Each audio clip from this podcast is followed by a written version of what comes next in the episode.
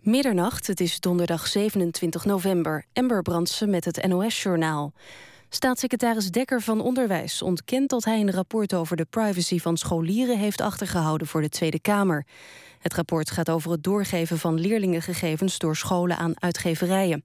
Volgens RTL Nieuws zijn via lesprogramma's op de computers gegevens over leerlingen bij vier grote uitgevers terechtgekomen. De Kamer wil opheldering omdat zij het rapport nooit heeft gekregen. Het heeft alleen op de website van het ministerie gestaan. Minister Koenders van Buitenlandse Zaken heeft vanavond een half uur gebeld met zijn Turkse ambtgenoot. Ze spraken over de Turkse beschuldigingen aan het adres van Nederland. Volgens Ankara is de Nederlandse integratieaanpak agressief en racistisch. De Nederlandse regering reageerde getergd. Minister Ascher noemde de verklaring ongepast. Volgens Koenders heeft de Turkse minister in hun gesprek afstand genomen van een deel van de kritiek. Niet alleen pluimveehouders krijgen financiële compensatie vanwege de vogelgriep, maar ook vermeerderijen en broederijen. Staatssecretaris Dijksma en de sector hebben dat afgesproken. In vermeerderijen worden kippen door hanen bevrucht, in broederijen worden eieren machinaal uitgebroed. De compensatie geldt alleen voor de afgelopen tien dagen, niet voor de komende tijd. Voetbal. Atletico Madrid heeft zich geplaatst voor de achtste finales van de Champions League. Atletico won met 4-0 van Olympiakos Piraeus. Ook Arsenal is door. De club uit Londen versloeg Borussia Dortmund met 2-0. Verder is Bayer Leverkusen, ondanks een nederlaag tegen AS Monaco, door naar de laatste 16. Benfica werd vanavond uitgeschakeld voor de knock-outfase. Het weer, het is vannacht bewolkt en er valt wat regen of motregen. De minima liggen rond de 2 graden. Morgen opnieuw grijs en regenachtig. Het wordt dan 7 tot 12 graden. Vanaf vrijdag een paar dagen droog met meer zon, maar wel wat kouder. Dit was het NOS Journaal. NPO Radio 1. VPRO. Nooit meer slapen.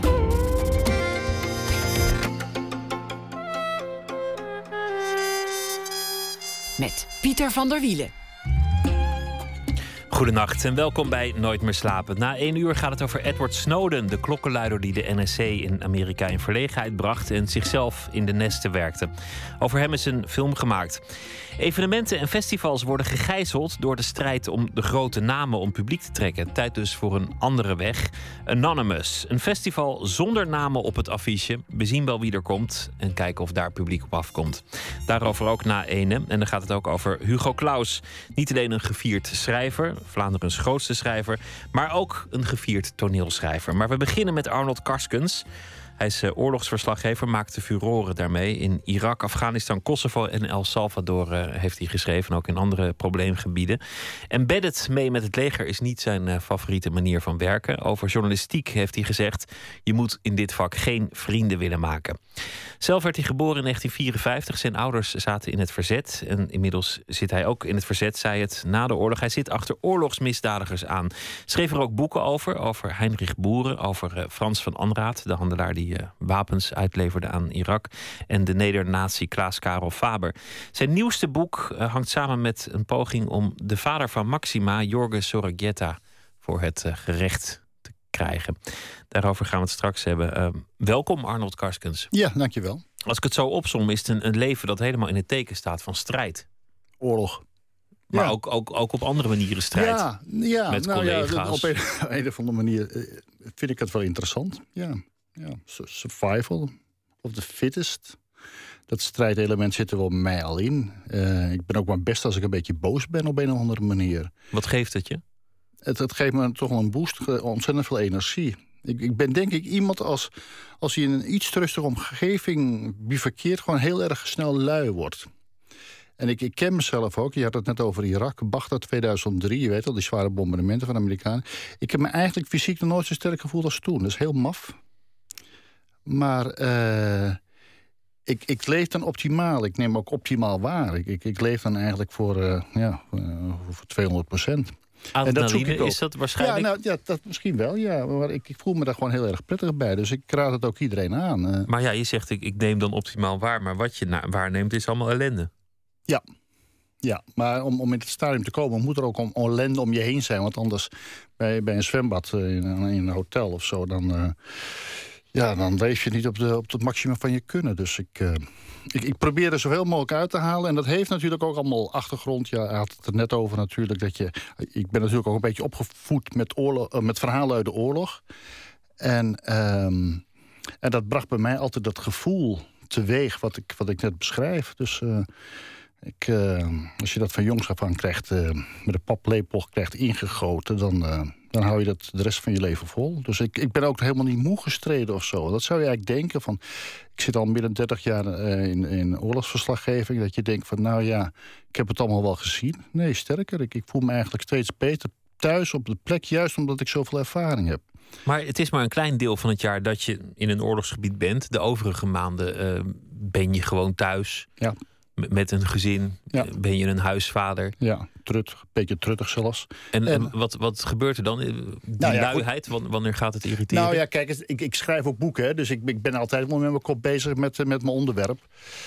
Um, en dat, die jurist heb ik ook nodig om überhaupt die boeken te, te, te, kunnen schrijven natuurlijk. Maar ja, je zei dan word ik lui als ik geen Ja, nou, als, als ik op een gegeven moment... Kijk eens, je hebt die oorlog, ja, en dan leef je, en, daar leef je naartoe. Dus de, weken daar naartoe uh, ben je zelf aan het opladen. Je hebt het gebied zelf, de oorlog. En dan rolt het een beetje uit, ja. Dus van, als je zegt, ik ga drie weken naar oorlog... dan ben je er eigenlijk toch wel zes, zeven weken mee bezig. En dan schrijf ik natuurlijk mijn verhalen... maar dat, dat rolt dan weer door ook in, in, in boeken. Dus nou ja, tot, tot, tot, tot ik denk van, nou, nu word ik een beetje lui. En dan voel je dat zelf wel als verslaggever... van nu moet ik echt weer aan de bak. Je hebt uh, boeken geschreven ook over hoe je een goede frontjournalist bent, een, een survival gids. Daar staan handige tips in. Um, het precieze getal ben ik alweer kwijt. En ook omdat ik niet de gedachte heb dat ik ooit naar een front zal gaan. Maar je moet als er een bom is laat zorgen dat je op 7,54 meter afstand bent. Ja, dat, dat is omgerekend in, uh, in, in, in feet of zo heb ik dat uit het Amerikaans boek uh, gehaald. Of een Amerikaans onderzoek. En dan. Uh, nou ja, je moet, als, je, als je naar een front gaat, dan moet je een beetje in kunnen schatten van wat de inslag is van een handgranaat en, en van een bom, hoeveel je moet staan bij een bombardement. En, um, maar dan moet je ook weten waar die neerkomt voordat je die passen zet. Ja, nou ja, bijvoorbeeld bij granaatbeschietingen, dan weet je ongeveer waar ze neerkomen. Ja, ja dat, is, dat, is, dat is wel aardig in te schatten natuurlijk. En bukken heeft geen zin, las ik ook. Als, als, als, de, als de kogels fluiten, dan, dan moet je niet zoals in de film gaan bukken, duiken en tijgeren. Dat heeft geen zin. Oh, dat, staat volgens mij niet in mijn boek hoor. Bukken heeft vaak wel juist Bukken heeft wel degelijk zin. Ja, ja. Nou ja, als je een, kogel hoort fluiten, dan is je in de regel al voorbij. Dus dan hoef je daar niet meer bang voor te zijn. Maar ja, als één kogel fluit, dan komen er vast meer aan. Nou ja, die kans is redelijk. Ja, dat hangt een beetje. Als je een sniper hebt, dus dan. dan uh, dan moet hij weer herladen, dus dan is hij altijd weer even wat langer bezig. Dus dan is, heb je net een paar seconden de tijd, of een seconde de tijd... om ergens achter te duiken, ja dat klopt. Maar goed, zijn 400 pagina's met allerlei handige overlevingstips. Die trouwens niet alleen maar voor de oorlog zijn. Hè. Het is ook erg handig als je bijvoorbeeld boodschappen gaat doen eh, in Alphen aan de Rijn op een zaterdag. En een gek begint te schieten. Dan moet je ook weten wat je moet doen. Ja, komt gelukkig uh, heel weinig voor. Ja, maar ja, je zal net zien als je, dat, dat je er staat met je winkelwagentje als het gebeurt natuurlijk. Dus, uh, dat is waar. Eh, wat vinden wat vind je vrouwen en kinderen daarvan om, om te lezen dat, uh, dat papa drie maanden per jaar uh, weet dat hij 7,54 um, meter van een, van een bom moet zijn?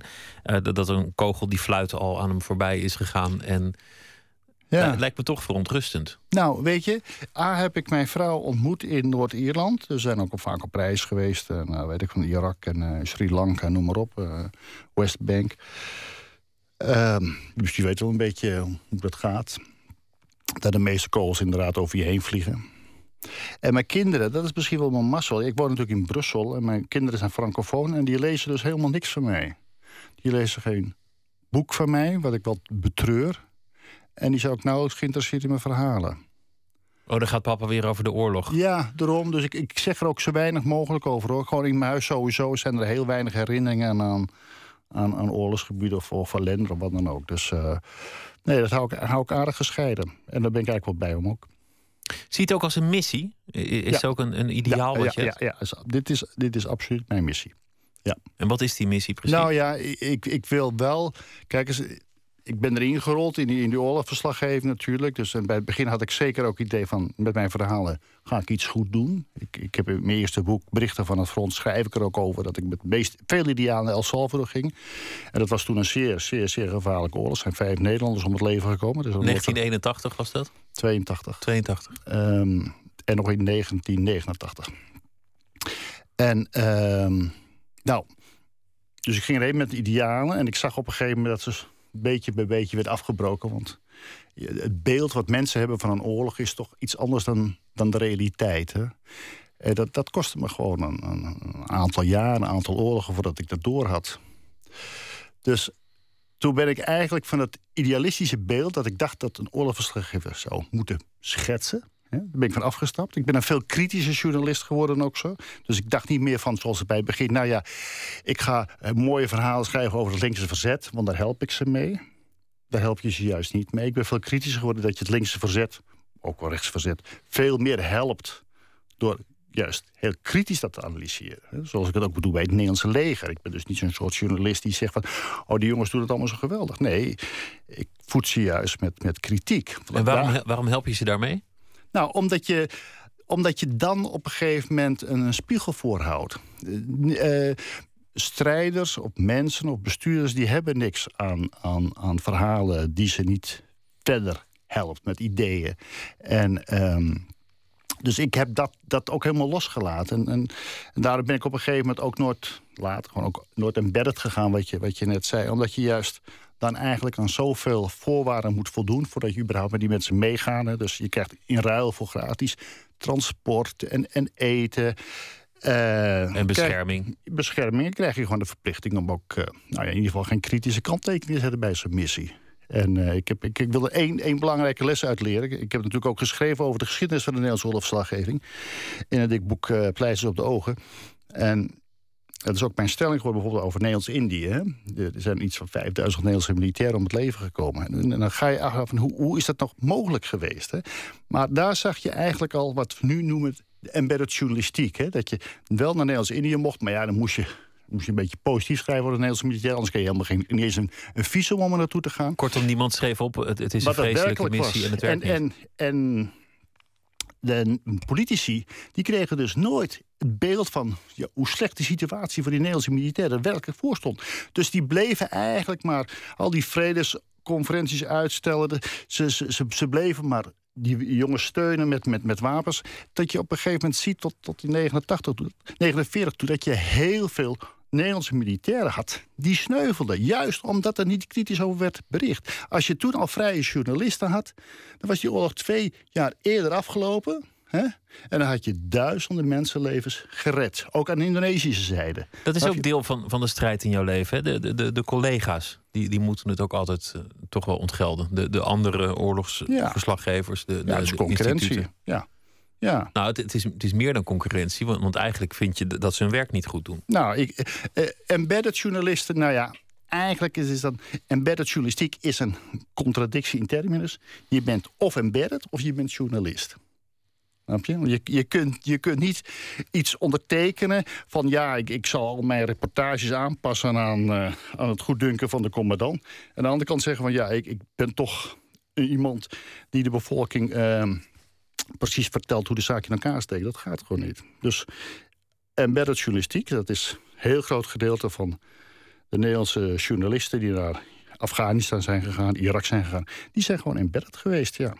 En dat, ja. Nou, uh, embedded, embedded, dat spreek je ook uit met, met een zeker dédain van die, hebben, die hebben geen goede, nuttige stukken nou, geschreven. En je ziet het ook. Ja, ik bedoel, ik, ik wil, ja, dus je, je zal zeggen, een arrogante klootzak is ook, die Kaskus. Maar je, je, ziet het ook. Ik heb altijd, in, bijvoorbeeld die, die Oeriska-missie, heb ik altijd kritisch gevolgd. Hè? Van mensen, dat wordt niks, al die ontwikkelingsprojecten, dat is allemaal. Die corruptie, dat is verschrikkelijk. Wij zullen daar eigenlijk niks kunnen veranderen. Nou, ja, als je nou ziet naar Afghanistan, wat het is. Het is ook niet, ten, is ook niet verbeterd. En, en dus dan kun je vragen van... Heeft het zin gehad, onze missie in Oerskan? Ik zeg, nee, helemaal niks. Helemaal niks. Er zijn alleen 25 Nederlandse militairen om het leven gekomen. Het heeft miljarden gekost. En in die bevolking is er geen, geen, geen cent wijzer van geworden. Is dat ook deel van je adrenalineverslaving om, om boos te zijn? Ja. Helpt dat je? Nou ja, ik, als ik zie... Ja, nou, weet je, dan je ziet ze wel eens op televisie, al die, jongens en meisjes die met een half been op een gegeven moment verder gaan. En dan hangt er dan wel een, een soort van medaille aan een, aan een borst. Zo van, kijk eens, dit hebben we aan overgehouden. Maar ik, ik, ik krijg er bijna tranen voor in mijn ogen als ik zie die Nederlandse militairen is die voor de rest van hun leven gehandicapt zijn. Ik, ik hoor natuurlijk ook die verhalen van die Afghanen die letterlijk tegen mij zeggen dat ze het vlees van een familieleden uit de boom moesten halen. Snap je? Na een bombardement van, van de Nederlanders. Ja, dat, dat, dat trek ik me heel erg aan. En daar ben ik ook blij om hoor. Dat, uh, dat ik dat gevoel heb. Ik ben helemaal dus niet cynisch geworden of zo van. ach, het zal, het zal allemaal wel uh, nooit stoppen of zo. Nee, nee ik, dat is wat ik net zei. Ik heb een missie. Dus ik wil dat eigenlijk dat de mensen dat ook wel zien en horen. Maar je bent wel meer, je bent niet cynisch geworden, maar je bent wel meer verbeterd geworden, heb ik de indruk. Ja, misschien wel. Ja, ja ik, ik word wat stugger in de leer, ja. Ja, ja, dat, ja maar dat, ja, dat, dat klopt. Ja. Nou ja, daarvan kun je afvragen of het altijd uh, productiever is om, om verbeterd te zijn. Nou, om, om, om je doel te bereiken, ja. Wel. Ja, kijk eens, um, ja, soms moet je geen concessies doen. In bepaalde dingen als uh, vrijheid van meningsuiting, uh, onafhankelijkheid van de journalistiek, daar mag je inderdaad niet zeggen... ach ja, één dagje embedded, dat kan geen kwaad of zo. Nee, nee, het gaat echt om zeer principiële zaken. Daar, daar blijf ik ook inderdaad. Nou ja, verbeteren, hard, hard, leerzin, ja. ja. Dat vind ik ook helemaal niet erg. Oké, nou ja, nou ja hoe zou jij dat willen? Van, uh, uh, wees eens aardiger of zo voor uh, een of andere militair... die weer zo nodig, wat Nederlandse militairen... Nou, weet ik voor ver weg is dan moet zoeken, eh, sturen of zo? Of een Nederlandse minister van Defensie die uh, weer de zoveelste fout begaat? Nee, sorry, nee. Oké, nou ik zeg, ik zeg helemaal niet wat je, wat je oh. moet doen in, in, in welke zin ook. Het, lijkt me alleen, alleen voor jezelf, als je, als je met de jaren verbeterder wordt en een, een leven hebt dat zo in teken van, van strijd staat. En ik bedoel, ik ben met je eens dat er misstanden zijn in de wereld en, en dat het goed is om idealen te hebben om aan vast te houden. Maar ik kan me ook voorstellen dat het je, dat het je vermoeit op een zeker punt. Nou ja, ik bedoel, het is, nooit, het is niet dat ik nooit lach of zo. Ik ben eigenlijk, eigenlijk een hele grappige jongen. Maar het moet niet over oorlog gaan. Dat is ook niet echt grappig natuurlijk. Nee, daarom. Dus dan, het, gaat echt, het gaat om iets. Het gaat om levens. Het gaat om het geluk van ontzettend veel personen.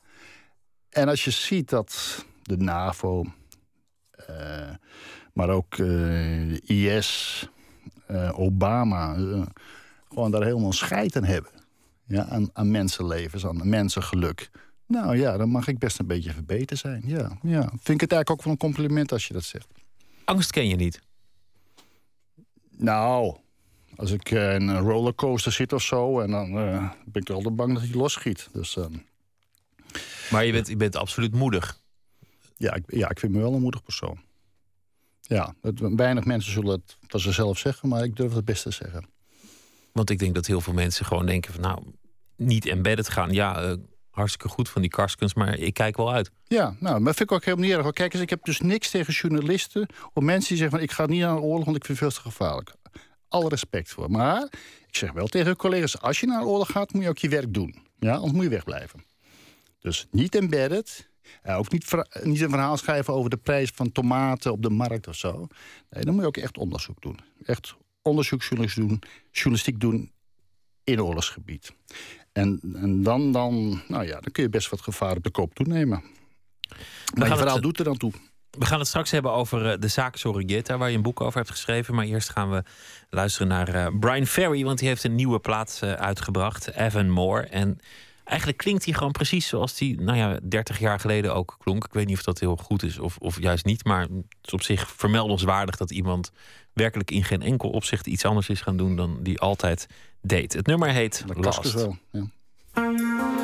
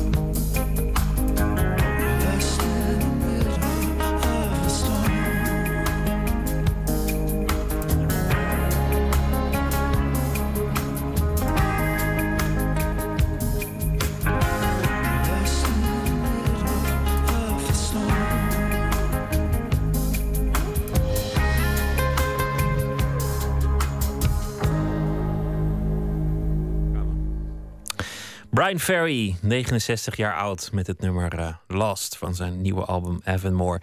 Nooit meer slapen in gesprek met Arnold Karskens, journalist, oorlogsverslaggever en uh, dictatorjager. Schreef uh, al eerder een boek over Heinrich Boeren, Frans van Anraat, Klaas Karel Faber en nu een boek over de vader van uh, Maxima. Ja, nog even correctie. Ik heb nooit een boek over Heinrich Boeren geschreven hoor. Wel over Klaas Karel Faber en Frans van Anderaad. Maar je hebt je wel flink vastgebeten ja, ja, ja, ja, ja, ja, ik, ben, ik ben ook voorzitter van de Stichting Onderzoek Oorlogsmisdaden.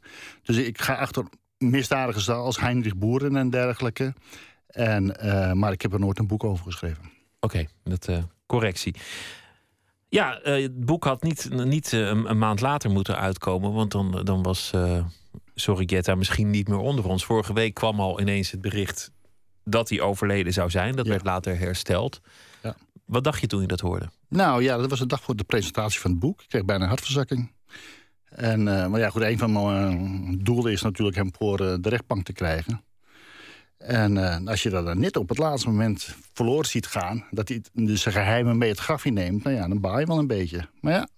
Je zou kunnen denken als zo'n zo'n man doodgaat van... nou ja, dan, dan is het maar nee, gedaan. Nee, nee, juist niet. Juist, juist niet, omdat hij verdacht wordt van medeschuldigheid... en medeplichtigheid aan gedwongen verdwijningen.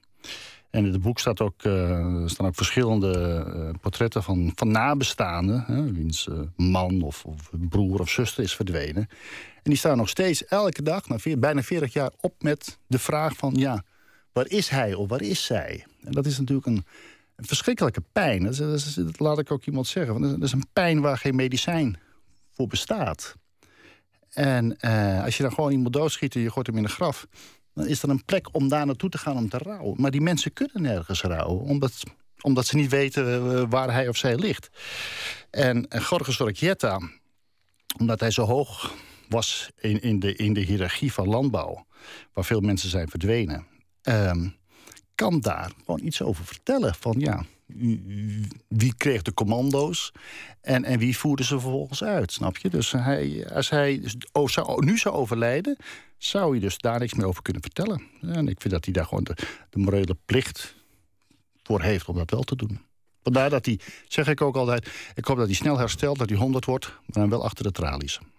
Had je ooit van hem gehoord uh, en zou je ooit van hem gehoord hebben als hij niet toevallig de vader van uh, de prinses uh, en de, de geliefde van Willem-Alexander was geweest? Ja, ja, waarschijnlijk niet. Maar dat heeft ook mee te maken dus dat ik voor mijn stichting alleen mensen achterna ga die of in, Nederlandse, of in Nederland wonen, of in Nederland verblijven, of Nederland bezoeken. Als, en als, als uh, Willem-Alexander nooit met Maxima was getrouwd, dan zou hij ook nooit voet zetten op Nederlandse bodem. Dus dan had ik waarschijnlijk ook nooit van hem gehoord en was ik ook niet achter hem aangegaan. In Argentinië heb ik van meerdere mensen gehoord die, die het kunnen weten. Was die dan waarschijnlijk ook een beetje in de vergetelheid geraakt? Uh, ja, nou kijk eens. In Argentinië maken ze met name jacht op de beulen, de hoge militairen en dergelijke, die verantwoordelijk waren voor ja, het overhalen van de trekker. Er zijn maar een paar burgers tot nu toe veroordeeld, zover ze nog in leven zijn.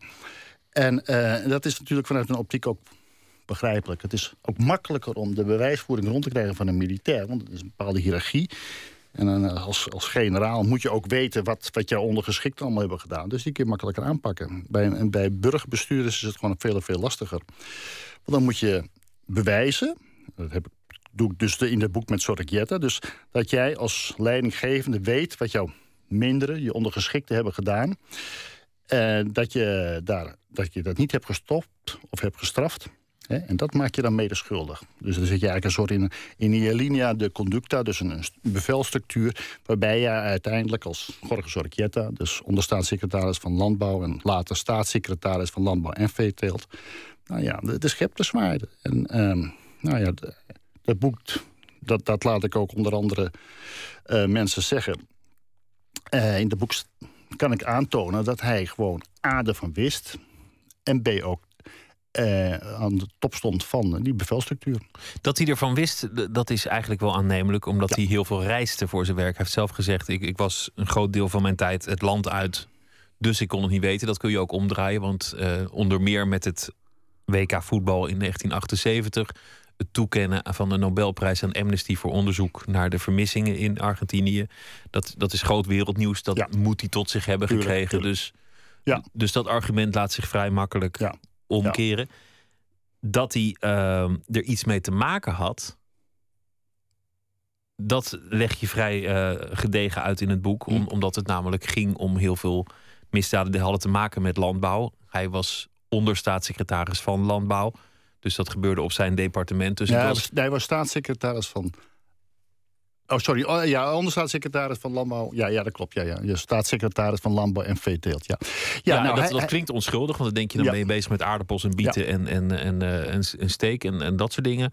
Maar daar ging het regime voor een groot deel om. En dat is ook waar heel veel eh, moorden hebben plaatsgevonden en vermissingen. Ja, nou ja, goed. Kijk eens, eh, bij landbouw was het zo. Als je bijvoorbeeld. Er werd gevraagd van de top van landbouw. aan, aan, aan de, de verschillende regionale kantoren. En dat is natuurlijk een land 67 keer zo groot als Nederland. Je er talloze tientallen kantoren. Er werd gewoon gevraagd om lijsten. Listas negras, zwarte lijsten.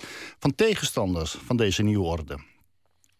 Snap je? Dus dan moesten ze toegeven van, ja, nou, die en die is gevaarlijk. Nou ja, wat er volgens mij gebeurde, of die mensen werden ontslagen. De meeste werden gewoon ontslagen.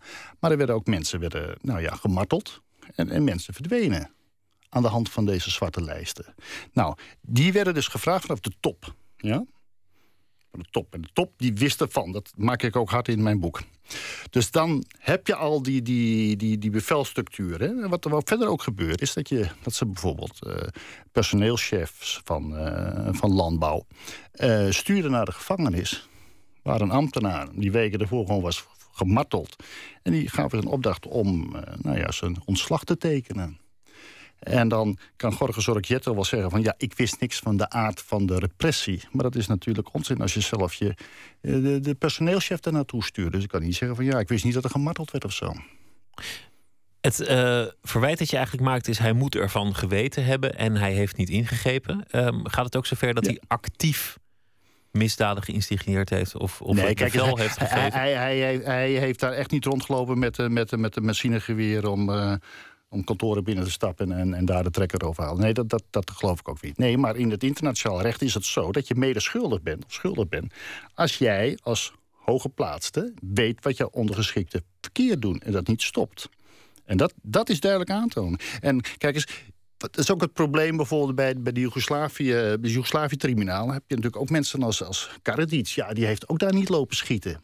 Maar ja, je kunt wel aantonen dat hij op de hoogte was wat zijn ondergeschikten deden. En hij is niet opgestapt, hij heeft niet geprotesteerd. En hij heeft, hij, hij is, nee, hij heeft er ook nooit kritiek op gehad. Dus Hoe kunstmatig is die, die link met Nederland? Dat je zegt, ik eh, bemoei me hiermee om, omdat het een link met Nederland heeft... want hij komt hier wel eens, want zijn dochter eh, maakt deel uit van het, van het Koningshuis. Ja. Dat, dat is nog steeds een vrij magere link met Nederland. Nou, ehm, kijk eens, in 2000 al had je eh, een meneer Maurik... en die, die, die wilde al eigenlijk dat er een onderzoek kwam naar, uh, naar Jorge Sorrichetto... omdat hij hier natuurlijk, uh, of tenminste zijn, zijn dochter wou trouwen met de koning. En hij vond dat een schandaal, zeker vanwege het verleden. En nou goed, dat, dat, dat is altijd maar een beetje gerekt, snap je? Tot, tot nu toe zijn we nog eigenlijk er steeds mee bezig. Dus ja, dan moet je het zo zien, tenminste vind ik, zeker nu in, in de huidige situatie, dat je ook een voorbeeld wil stellen. Kijk eens, in mijn boek refereer ik ook naar. Je hebt ook nog een andere zaak. Dat is van een Transavia-piloot Julio Posch. Die versprak zich een beetje. Of, dus dat, dat beruchte diner uh, ja, in, in, in Indonesië. En, en daar hebben Bali. ze Ja, die collega's gezegd van nou, ja, hij, hij, Ja, hij ja. schepte op. En anderen zeiden nou dat gesprek heeft volgens mij niet plaatsgevonden. Ja, nou, en wat ik dan aan wil tonen is dat eigenlijk het, het Openbaar Ministerie met twee maten meet. Ja? Dat ze wel hun best deden om Julio Posch uh, te framen. Door hem zelfs op een gegeven moment in, in Spanje te laten arresteren. Omdat Nederland geen uitleveringsverzoeken kan uh, honoreren vanuit, vanuit Argentinië. Dus daar zijn ze heel druk mee bezig geweest. Terwijl je eigenlijk ziet, dat heeft het Openbaar Ministerie trouwens ook redelijk zo tegen me gezegd. Ze hebben helemaal geen bewijs tegen hem. Ja? En dan toch al, ja, eigenlijk hij zit al bijna vijf jaar vast zit hij. Eigenlijk meer dan vijf jaar, vijf jaar in voorarrest in ieder geval. Nou, als je dat vergelijkt met alle aanwijzingen en bewijzen die zich hebben opgestapeld over uh, Jorge. Nou ja, dan kun je eigenlijk niks anders concluderen dat er iets scheef is in de rechtsstaat. Nou ja, de je... Nederlanden. Nou, en, en, maar en, los, los van de vraag ja. of Poch terecht vast zit en of het wel verstandig was om, om aan die zaak mee te werken, Ja. omdat er toch echt ook wel losse eindjes aan die zaak zitten en, en het geen Nederlandse zaak is, blijft toch die, die link met Nederland vanuit sorry, de misdaden zijn niet hier gepleegd. Hij heeft op geen enkel moment zelf de Nederlandse nationaliteit gehad. Hm. Zijn dochter heeft een link met Nederland. Maar ja, wat kan een dochter eraan doen wie haar vader is? Dat is in de tijd zo'n discussie geweest. Of, of dat huwelijk zelfs wel door mocht gaan. Ja. Is zelfs, er zijn Ja. stukken over geschreven op de opiniepagina's. Ja. Je kunt natuurlijk onmogelijk een dochter verwijten wie haar vader Ja, is. nee, dat doe ik al absoluut niet hoor. Ik, ik, ik vind eigenlijk Maxima ook een, een slachtoffer. Want het is helemaal niet leuk als je vader natuurlijk verdacht wordt van, van eh, dat soort schendingen van mensenrechten. Nee, maar kijk, we hebben ook gewoon een, een bepaalde verplichting. In 2011 heeft Nederland het internationaal verdrag tegen gedwongen verdwijningen eh, eh, geratificeerd. Dus we zijn gewoon internationaal verplicht om Jorge als er een aanklacht ligt tegen hem, en die ligt hier in Nederland, om hem in ieder geval eh, strafrechtelijk te vervolgen of in ieder geval te ondervragen. En dan kun je zeggen van ja, nee, maar eh, dat hoeven niet. Ja, dat, zijn we dus verplicht. En zeker als, als Nederland je zegt van goh, eh, we, we hebben Den Haag en dat is de internationale stad van justitie. Ja, dan, dan, dan moet je dat doen. En, en, en juist misschien mijn verbetenheid zit in het feit dat ik gewoon die rechtsongelijkheid ook wil aankaarten. Snap je? Dat, dat ze hem laten lopen, Jorge Sorricchietta. Terwijl ze een of andere loser, eigenlijk misschien wel een beetje als voorbeeldfunctie, zegt van kijk eens, ja, maar die pakken we wel. Laten we luisteren naar het eh, befaamde moment in de, in, in de geschiedenis. Daar was het goed is een, een eh, fragment in. Dat eh, Maxima wordt voorgesteld aan het, het Nederlandse volk. En iedereen kan het zich herinneren. Er was een persconferentie. Ik kijk even of het, eh, of het lukt om daar een fragment van te laten horen. Want Maxima zei toen eigenlijk iets over haar vader. En ook een beetje van, papa, vertel maar even, wat is er gebeurd? Want ik begreep het helemaal niet van. En eh, hoe, hoe kon dat en hoe heb je dat meegemaakt? En hij zei, ik, ik had geen idee wat het over ging. En daarom zeg ik, ik geloof toen hij dat zei... want hij heeft geen andere reden om, om naar mij te eh, leugen. En, eh, Nou, tenzij hij zich mooier wil voorstellen dan hij is. Nee, denk ik niet. Hij is een hele menselijke en, eh, man. Nee. Geloof je Maxima? Eh, ik geloof haar, maar ik, ik geloof haar vader absoluut niet. Dat is gewoon een leugenaar. Is gewoon, ook gewoon een crimineel, snap jij? Hij was onderdeel van een crimineel regime. Sterker nog, in, in Argentinië wordt de tijd van de junta... De, dat is eh, terrorisme de Estado, dat is staatsterrorisme. Ja? En dat moet je niet vergeten. Kijk, net zoiets als, als Al-Qaeda van Osama Bin Laden... met dit verschil, dat het netwerk van Al- Al-Qaeda van Osama Bin Laden... minder doden op zijn geweten heeft dan het regime waar Jorge Sorricchietta natuurlijk een belangrijk onderdeel van uitmaakte. Dus ja, die man, die man klopt, ja, die klopt gewoon niet. Nou zei je net, eh, het gaat mij om, om, om het onrecht, hè? Om, om het, de twee maten. Wel Pog arresteren, eh, niet Sorreghieta. Hm. Vorig jaar was ik in Parijs en, en er stond een advertentie in de krant... wil je een dictator rondleiding door Parijs doen? Ik dacht, nou, dat is leuk. Dus ik, ik belde het nummer wat erbij stond. kwam er een, een man op een fiets. Die gaf me een rondleiding door het 16e arrondissement... en het 8e arrondissement... waar alle villa's van dictators staan. De familie Gaddafi, de familie Ben Ali... de familie eh, Sadat, eh, de, de nazaten van Saddam Hussein... die nog eh, in leven en in welzijn zijn. Allemaal zitten ze in Parijs, in Londen, in Zwitserland. Ja. Nederland ook. In Nederland hebben ze holdings, firma's. Ja. Dus met andere woorden, als, als onrecht en dictators je thema zijn... Dan, dan zijn er veel grotere vissen in Europa te vangen dan, dan deze Sorrietta. Ja, ja, maar bij mij moet er altijd een link zijn met Nederland. Kijk eens, ik heb die stichting onderzoek oorlogsmisdaden. Kijk eens, ik kan op een gegeven moment eh, George Bush voor gaan aanklagen. Maar weet je, dat, daar ben ik, daar is mijn stichting gewoon veel te klein voor. En ik zoek juist die link met Nederland, omdat je, omdat, ja, laten we zeggen, de, de, de grote mensenrechtenorganisaties dat een beetje laten liggen. Waar ik bijvoorbeeld druk om maak, is bijvoorbeeld eh, de Maar is- is door- criminelen, nee, sorry, sorry, crimi- Ja. oorlogsmisdadigers die hier politiek asiel krijgen. Dat zijn er honderden. Ik ben bezig met een zaak eh, van een Irakees, een Koerdisch Irakees. Die is in Irak ter dood veroordeeld wegens genocide. Die is naar Nederland gevlucht, heeft hier ook een uitkering. En die woont, nou, hemelsbreed, misschien twee kilometer van het ministerie van Justitie. En Justitie weet dat, hoor, want ik heb ze er al een paar keer op geattendeerd. En ze doen er niks mee. Kijk eens, dan heb ik liever... Met zo'n zaak ben ik dan bezig. Hè? Of met Sorkjetten, want, nou ja, wie doet het in het buitenland over Sorkjetten? Dat doet ook niemand. En er gaat geen Brit of een Amerikaan achteraan. Dus ik vul eigenlijk het gat wat, wat, wat er ligt. En... ehm, Maar heb je hier niet relatief een, een kruimeldief te pakken... vergeleken met alle Ja, dat- schurken die vrij rondlopen? Ja, nou ja, ik, ik ben ook bezig geweest met Frans van, Frans van Andraat... die, die gifgas uh, levert aan Saddam Hussein. En dat is de grootste, in mijn ogen de grootste oorlogsmisdadiger... die Nederland ooit heeft gekend. Ik bedoel, dat is een, een big fish. Uh, Guus Kouwenhoven, die met Charles Taylor in Liberia heeft samengewerkt. Ja, ja. Nou ja, en kijk eens, Jorge Sorjette, je, je, je zegt dat het een kleine vis is, maar... Nou ja, ik, laat, ik, laat iemand zeggen dat door zijn politiek tussen de 500 en 1000 doden zijn gevallen in, in Argentinië. Dus, uh... Maar niet rechtstreeks door hem. Hij, hij nee, nee maar het is wel een politiek die hij gesteund heeft natuurlijk. En dit is de consequentie daarvan. Nee, ja, kijk eens, bij, bij dat soort organisaties kun je dat nooit in je eentje doen. Ik zie, ik zie een heel duidelijke link met, met je ouders die, die in, het, uh, in het verzet zaten. Het, het, lijkt wel alsof jij ook gewoon in, in het verzet zit. Ja, nou ja. Het grote voordeel is dat je ouders in het verzet hebben gezeten. Is dat je. Je, je moet toch een beetje in, in, in, in je genen zitten. En wat ook een heel groot voordeel is dat je. Nou, dat je je bek durft open te doen. Snap je? Dat je. En dat, dat durf ik, ja. ja. Daar ben ik, ben ik, een bepaalde zelfverzekerdheid die je van nature hebt meegekregen. Nou, dat gebruik ik ten goede. Dus ik, uh, ik, uh, het ligt een beetje in het verlengde, ja. Toch, ja. Dat, is het erg of zo? Of, uh? Nee, nee, nee. Ik, ik, ik, ik luister met, met, nee, ja, met, met ja, ik kan, ik kan, weet je, wat je ziet is wat je get bij mij, hè?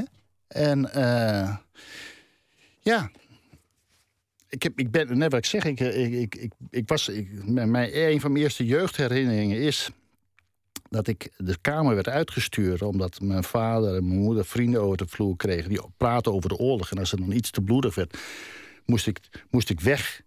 En dan ging ik zo onder protest de kamer uit. Maar dan deed ik de deur dicht, maar bleef wel met mijn oor tegen de deur luisteren. Omdat ik het wel wilde weten wat er werd gezegd, snap je? Dus die, die, misschien wel een deel van de romantiek... of misschien wel de realiteit die ik toen hoorde... die heeft me wel deels gevormd. En ik, ik weet ook dat, dat een die oorlog natuurlijk niet altijd zo, zo gladjes verloopt. En ik, ik weet ook, dus ik, ik kan ook dingen begrijpen zoals het gegaan is in Argentinië. Dat dingen gaan zoals ze gaan. Die hebben niet altijd invloed op. Maar ik weet ook dat er momenten zijn geweest, ook bij Jorge Soracchietta... dat hij gewoon had kunnen zeggen van ja, jongens...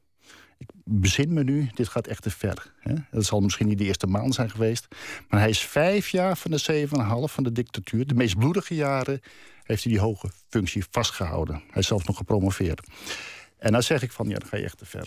Kun je op enige wijze um, je psychisch inleven in, in de dictators die je, die je bestrijdt?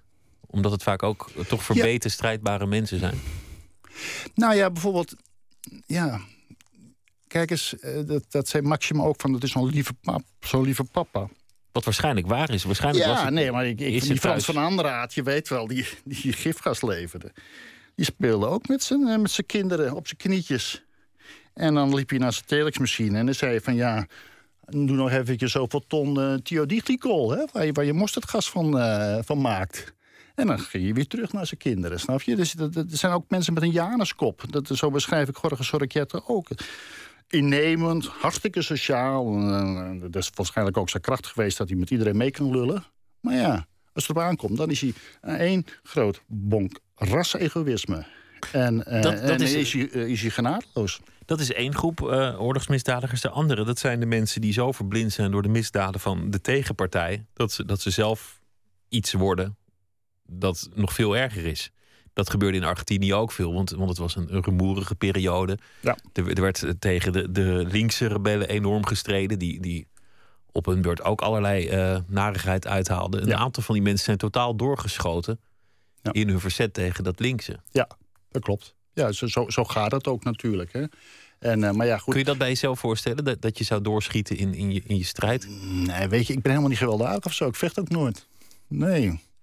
En uh, ik, ik, ben eigenlijk ook, ik ben ook vrij sec in mijn, in mijn berichtgeving. Die dat ook op een gegeven moment uh, dingen gaan overdrijven. Nee, juist misschien al het tegenovergestelde. Ik, ik, ik, hou het juist zo, zo sec mogelijk om het later bij, eh, bij een uh, rechtszaak nooit hoeven terugnemen. Dus ik, uh, nee, ik, ik heb hem aardig vrij in de hand. goed in de hand, ja. Ja, dat wel. Goed, we gaan, we gaan weer luisteren naar muziek van Sonny Boy Williamson. is een, een een bluesmuzikant, harmonica-speler. gaan fantastische verhalen over hem rond. Hij was de held van de Rolling Stones, van de Animals, maar ook van Led Zeppelin. En uh, in de biografie van Led Zeppelin staat bijvoorbeeld beschreven hoe deze Sonny Boy Williams in een hotelkamer in Engeland de hele kamer in de fik stak, omdat hij probeerde het konijn in de koffiemachine te stoppen. Het nummer heet Help Me.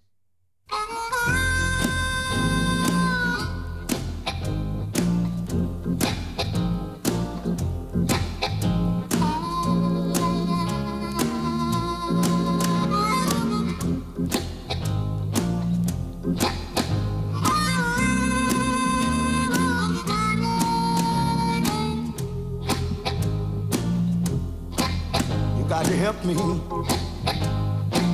I can't do it all by myself. You got to help me, baby. I can't do it all by myself. You know, if you don't help me, darling, I'll have to find myself somebody else. I may have to wash it may have to sew, I may have to cook, I might mop the floor, but you help me, baby.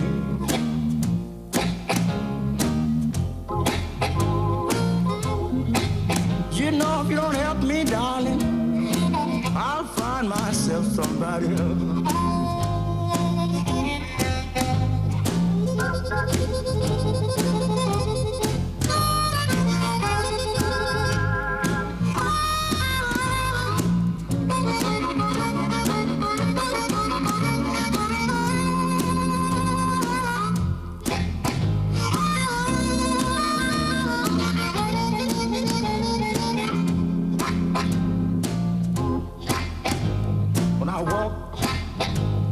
with me. When I talk, you talk to me.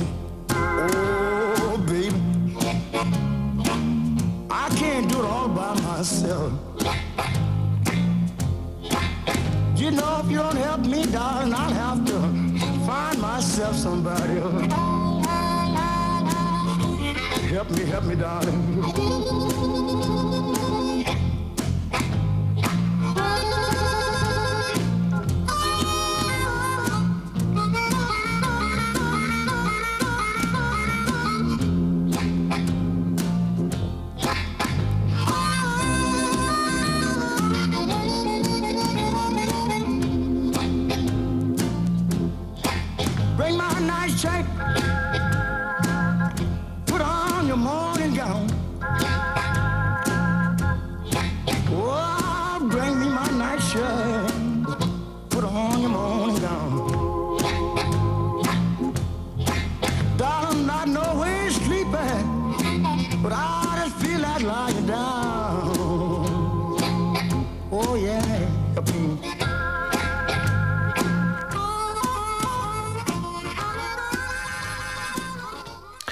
Sonny Boy Williams, die uh, in 1965 in zijn slaap stierf aan een hartaanval, 53 jaar oud, met het nummer Help Me.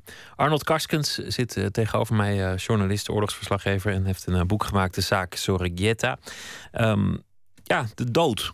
Laten we het daar eens over hebben. Ja, Want dat hoort toch ook wel bij, bij oorlog. Ja, zeker. Ja, je, zonder je, dood geen oorlog. Kan je herinneren wanneer voor voor het eerst iemand zag, zag sterven?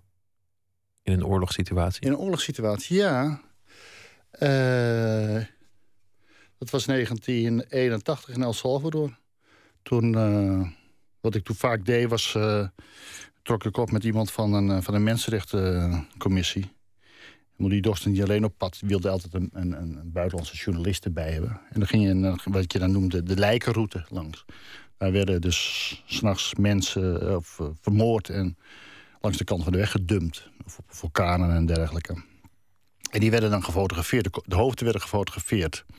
Zodat op een gegeven moment uh, nabestaanden aan de hand van de foto's konden nagaan of, of hun geliefde of familielid uh, was vermoord en, en waar hij dan begraven zou liggen.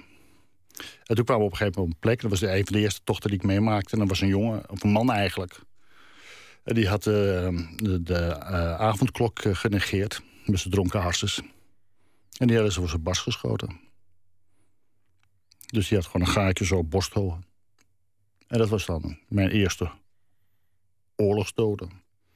Ja, en, en kijk eens, zelf, dat lijk zelf, nou ja, dat, kun je naar kijken. En dat, dat, dat doet je eigenlijk niet zoveel. Maar het kritieke moment eigenlijk, het emotioneel moment komt als toen dan, toen de zuster van die man aankwam lopen en hem herkende. Eens, en dan, dan wordt de dood eigenlijk tastbaar, voelbaar bij jezelf. En uh, nou, ze huilde natuurlijk verschrikkelijk, daar kan ik ook heel erg in komen. En dan, dan knapt ook iets in jezelf. En dan, dan weet je eigenlijk van ja, dood is dood. Dus als wij nu dood zijn, dan merken we zelf niks. Maar het is voor de nabestaanden natuurlijk uh, ja, zeer, zeer, zeer pijnlijk. Deze ervaring moet je daarna nog vele malen opnieuw eh, beleefd hebben in, in andere oorlogssituaties. Ja, ik, heel veel. Uh, Rwanda was heel erg in 94. Ik heb daar dus uh, aan de zijde van de, van de Tutsis gezeten in Kigali toen het bevrijd werd. En al die Hutu-rebellen die vluchten. Dus dan konden we die opmars zo volgen. En dan kwamen langs al die plekken waar ze natuurlijk die vreselijke slagpartijen hadden uh, georganiseerd. Uh, bij je mensen soms een meter hoog de lijken zag liggen.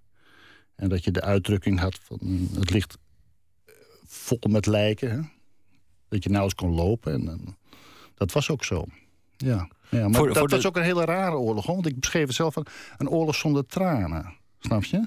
Omdat er geen nabestaanden waren, omdat iedereen nou ja, dood omdat was. Het, je hoorde dus niks. Het was alleen maar dood. Wat ik net het voorbeeld gaf van zo'n oorlog in El Salvador... dat pakt me nou eigenlijk nog veel sterker... omdat je daar die emotie kent. Hè? Die, die Latijnse Amerikanen, die, die weten ook heel goed hoe ze, hoe ze moeten rouwen. Dat, het verdriet komt er ook uit. En dat zag je veel minder in, in Rwanda. En, en daarom, ja... Je had het daar wel eens... En dan, dan, dan lag er iemand gewond uh, langs de kant van de weg. En mensen passeerden dat gewoon. Die keken niet eens. Die, die, die waren bang of, ang, ja, bang of totale desinteresse voor iemand die niet van hun was. Niet, geen familielid. Dus dan nou, liepen ze dat voorbij. Afrikanen kunnen wat dat betreft kei en keihard zijn hoor. Jouw ouders, die ik al noemde, die in het verzet zaten, die zijn om hen heen. Zij hebben het natuurlijk overleefd, anders was jij niet geboren. Juist. Dat is uh, een makkelijke ja. deductie. Maar om hen heen zijn heel veel mensen gefusilleerd op de, op de Waalsdorper vlakte, onder andere. Uh, ja, in, in, in, de buurt van, van Bloemendaal, ja. Um, oh, dat is, weer, dat is weer een andere ja, locatie. Ja, ja, ja, ja, Maar goed, de, los van de locatie, veel mensen om hen heen die, die keerden niet terug of die werden opgepakt. Ja, en de broer van mijn moeder is gefusilleerd. Ja, vlak, vlak voor het, uh, in uh, wat, het was april 45, net voor de bevrijding. Ja. Dat heeft ook, heeft ook iets heel makkelijks. Want, want als je in het verzet zit, dan is het zo gepiept. Iemand verdwijnt, iemand is zo dood. Dus, Ja. dus de dood zit constant op je hielen.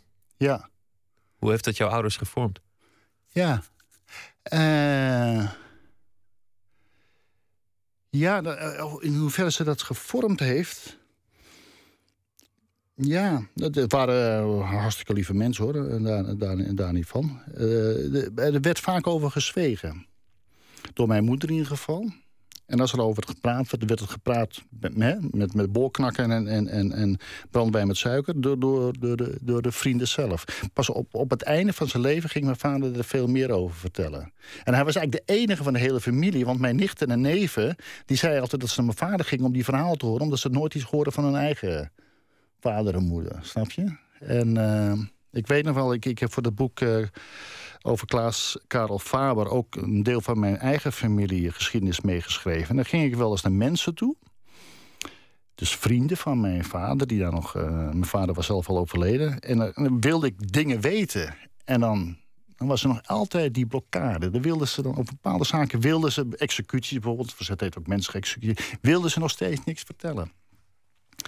En dan waren ze toch nog bang dat wij zo zeker de Duitsers mee zouden eh, luisteren of zo. En ehm, Ja, je zegt de Zuid-Amerikanen kunnen heel goed rouwen. Dat, dat konden jouw ouders dus eigenlijk niet zo heel goed. nee, nou ja, misschien op een andere manier.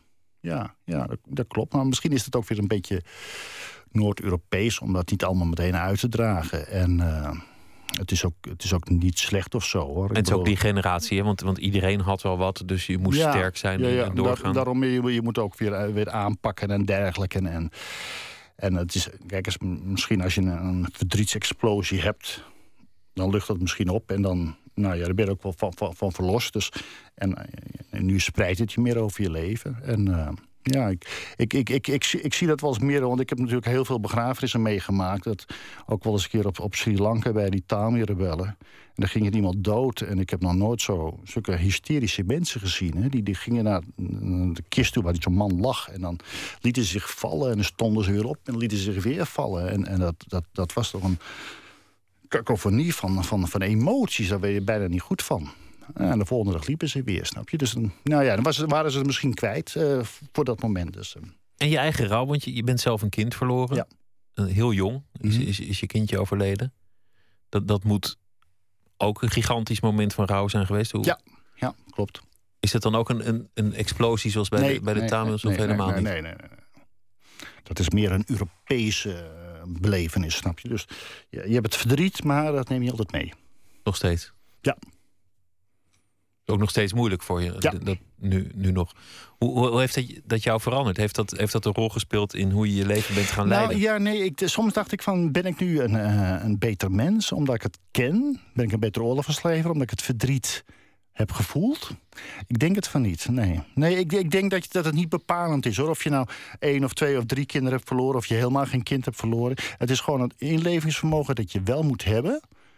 maar dat hoef je niet zelf te hebben ondervonden... om het nou ja, te kunnen overdragen. Nee, maar misschien wel de, de, rusteloosheid. Wa- Wat jij noemt, die adrenalineverslaving, dat dat nodig was om, om nou ja, weet ik veel, iets te overstemmen of, of om, om op de vlucht te zijn of, of om, om iets tegenover de stilte en, en de rouw te zetten. Ja, misschien. Misschien dat ik daarom boeken schrijf of zo. Misschien dat daarom überhaupt schrijvers zijn of schilders zijn of zo. Of een componist, omdat ze eh, weg willen van dat gevoel, snap je? En zich concentreren op heel iets anders. Dat, ze, dat zou heel goed kunnen hoor. Maar ik weet, niet of, ik weet niet of het in mijn geval is. Misschien, ik, ik denk dat ik die gedrevenheid al voor een heel groot gedeelte had. Die was er toch wel geweest. Ik denk het van wel. Ja, ik weet het eigenlijk wel zeker dat. eh, ja, mis- mis- mis- misschien is het wel zo dat je, dat je het langer volhoudt op een of andere manier. Dat je... Maar het, nou het ja, weet je wat wel zo is? We hadden het natuurlijk over Sorricchietta. En ik was tijdens de Groentadagen was ik in, in, El Sal- in, in Argentinië. Ik ben ook een keer gearresteerd geweest in, in 76 in Ushuaia, Tierra del Fuego. En dat heeft me ook voor een deel ge- gevormd. Ik ben nooit geslagen of wat dan ook. Hè. Maar toen ik bezig was met dit boek... en dan heb ik een paar van die concentratiekampen bezocht... dan hoor ik in mijn gedachten... hoor ik de mensen schreeuwen van de pijn. En dat gevoel heb ik wel, snap je? Ik kan, het, ik kan me wel heel makkelijk verplaatsen in het lijden van die mensen toen. En dan heb ik eigenlijk ook niet zoveel ehm, dwang van derden nodig om, om mijn werk te doen. Omdat het toch wel een beetje in me zit. Dus Dus je voelt ook een soort ver- verwantschap met, met eh, de de moeders. ja, absoluut. Ja, ja, ja absoluut. Ja, ja, ja. Daar kan ik me heel makkelijk in verplaatsen. Dat is helemaal geen moeite. Ja. Het, het vele reizen eh, dat je doet, het, op, op pad zijn, dat is volgens mij ook pas na het verlies van je kindje begonnen. Klopt Nee, dat? oh, nee, nee, want ik reis al vanaf mijn 16 ging al liftend. Ik heb altijd heel, ik heb altijd heel veel gereisd. Maar En het ik- waren nog geen oorlogsgebieden. Ehm, nou, nee, in, jawel, jawel. In, in eh, 80, 81, El Salvador. Mijn zoon is in, eh eens kijken, in eh, 93 gestorven. Dus ik, ik, had al, ik had al 12 jaar, 13 jaar eh, ervaring in oorlogsgebieden. Heftige. Dus dat, dat, dat is gewoon doorgegaan. Eigenlijk heeft er allemaal niks mee te maken in Ja, die zin. mijn vrouw heeft toen al gezegd... ja, het eerste jaar heb je heel veel gereisd. Ik heb wel tien reizen gemaakt of zo. Dus je, het is wel een beetje vlucht voor je natuurlijk. Je, je werk. Eh, maar goed, ik, ik, hou, ik, hou, ik hou het nog steeds vol, ja. Je zei net, voor de doden maakt het eigenlijk allemaal niet uit. Die, als je dood bent, ben je dood. Ja. Die, die zijn er niet. Die, die, die merken daar eh, niks van. Dat, is- dat is een vrij eenvoudige eh, kijk, maar ook, ook volgens mij wel een geruststellende kijk. Er zit, er zit ook wel een soort troost in. Dan is het gewoon over. Dan heb je nergens Nou last ja, van. als we dood zijn, dan is het inderdaad over. Ja. En, ehm, maar ja, goed, voor, de- voor de mensen die achterlaat, is, is het, ja, begint de pijn dan eigenlijk. Hè? Dus eh, eh, dat, dus voor mezelf, kijk eens, ik ik heb, ik heb natuurlijk veel in, eh, onder vuur gelegen, een zware bombardement. En dan, En dan is het ook altijd zuchten en dan steunen. En je denkt, ja, waarom ben ik er in vredesnaam aan begonnen? En dit is mijn laatste reis, ik doe het nooit meer. Ik krijg allemaal maar de kleren, snap je? Ik, ik ga hier weg. En ik, ik kom nooit meer terug in de oorlog. En dat denk je dan op dat moment. En je gaat naar huis toe en, en na twee, drie weken begint het gevoel toch weer terug te komen van dat je dat toch wil meemaken. Dat misschien ook wel de, de, de uitdaging, dat je de, dood wil uitdagen en kijken wie het sterkste is. En dat je dat zo lang probeert, mogelijk probeert te rekken. Omdat je, omdat je nou ja, omdat de dood zo definitief is. En eigenlijk jou zoveel pijn heeft gedaan, dat je denkt van nou, eens kijken wie de sterkste is. En als het want je schrijft, uh, bukken heeft wel degelijk zin. Je, je moet weten dat een, een, fluitende kogel is een voorbije kogel. Daar moet je niet druk over maken. Toen zei ik, nou ja, maar dan komt er vast nog wel een kogel als er nu een kogel fluit. En, en toen hadden we het over het aantal meters dat je van een mortiergranaat verwijderd uh, moet zijn. Uh, tot achter de komma moet je dat weten. Als ja, je dan moet je, je, moet al de centimeter op zakken, maar zolderverslag even. Dan, nee, je schijntje natuurlijk. Er zijn natuurlijk momenten geweest dat, dat het dat het anders had. Of, of het is het, uh, het winkelcentrum in Alfa aan de Rijn, wat mij betreft.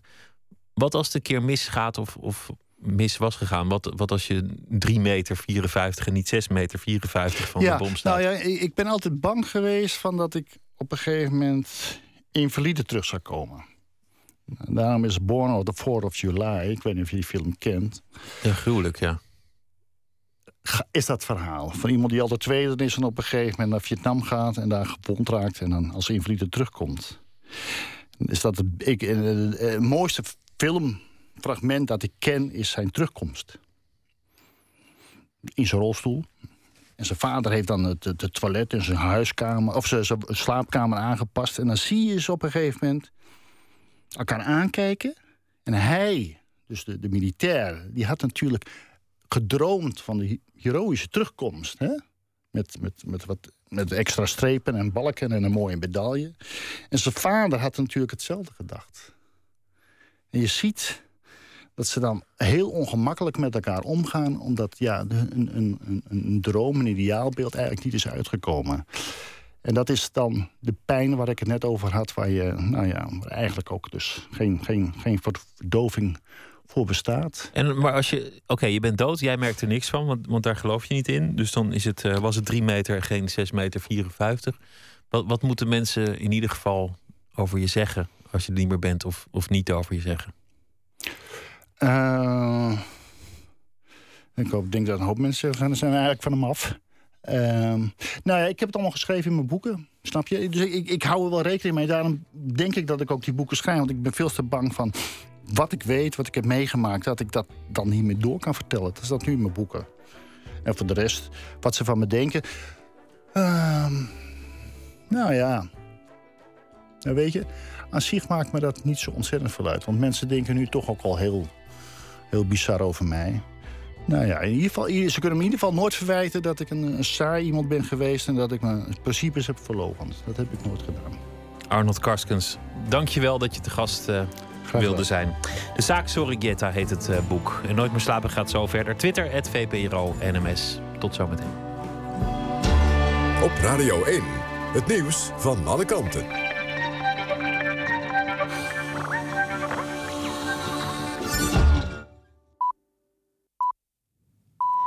1 uur, Amber Brandsen met het NOS-journaal. Het gaat goed met het maatschappelijk middenveld. Uit onderzoek van het Sociaal en Cultureel Planbureau... blijkt dat grote maatschappelijke organisaties er sinds 1980... meer leden en donateurs bij hebben gekregen. Onder meer Amref Flying Doctors en Stichting Kika doen het goed. Politieke partijen, vakbonden en kerken zijn juist erg gekrompen... maar deze organisaties blijven overtuigd van hun bestaansrecht... en proberen op allerlei manieren nieuwe leden aan zich te binden. Minister Koenders van Buitenlandse Zaken heeft afgelopen avond gebeld met zijn Turkse ambtgenoot. Ze spraken over de Turkse beschuldigingen aan het adres van Nederland. Volgens Ankara is de Nederlandse integratieaanpak agressief en racistisch. De Nederlandse regering reageerde getergd. Minister Ascher noemde de verklaring ongepast. Volgens Koenders heeft de Turkse minister in hun gesprek afstand genomen van een deel van de kritiek. Staatssecretaris Dekker van Onderwijs ontkent dat hij een rapport over de privacy van scholieren heeft achtergehouden voor de Tweede Kamer. Het rapport gaat over het doorgeven van leerlingengegevens door scholen aan uitgeverijen. Volgens RTL Nieuws zijn via lesprogramma's op de computers gegevens over leerlingen bij grote uitgevers terechtgekomen. De Kamer wil opheldering omdat zij het rapport nooit heeft gekregen. Het heeft alleen op de website van het ministerie gestaan. Een politieagent uit Leerdam die vorige week zwaar gewond raakte bij een uitstapje met collega's is overleden. De groep was in een klimpark in Hank in Noord-Brabant. Toen de agent van de tokkelbaan hing, knapte de staalkabel en viel hij in het water. Het weer, het is vannacht bewolkt en er valt wat regen of motregen. De minima liggen rond de 2 graden. Aankomende dag opnieuw grijs en regenachtig. Het wordt 7 tot 12 graden. Vanaf vrijdag een paar dagen droog met wat zon, maar wel wat kouder. Dit was het NOS Journaal. NPO Radio 1. VPRO. Nooit meer slapen.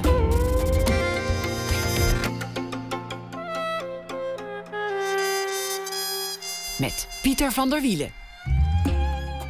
U luistert naar Nooit meer slapen. Op Twitter, VPRO-NMS of via de mail nooitmeerslapen.vpro.nl. Erik-Jan Harmens is schrijver. Deze week schrijft hij elke dag een verhaal voor ons.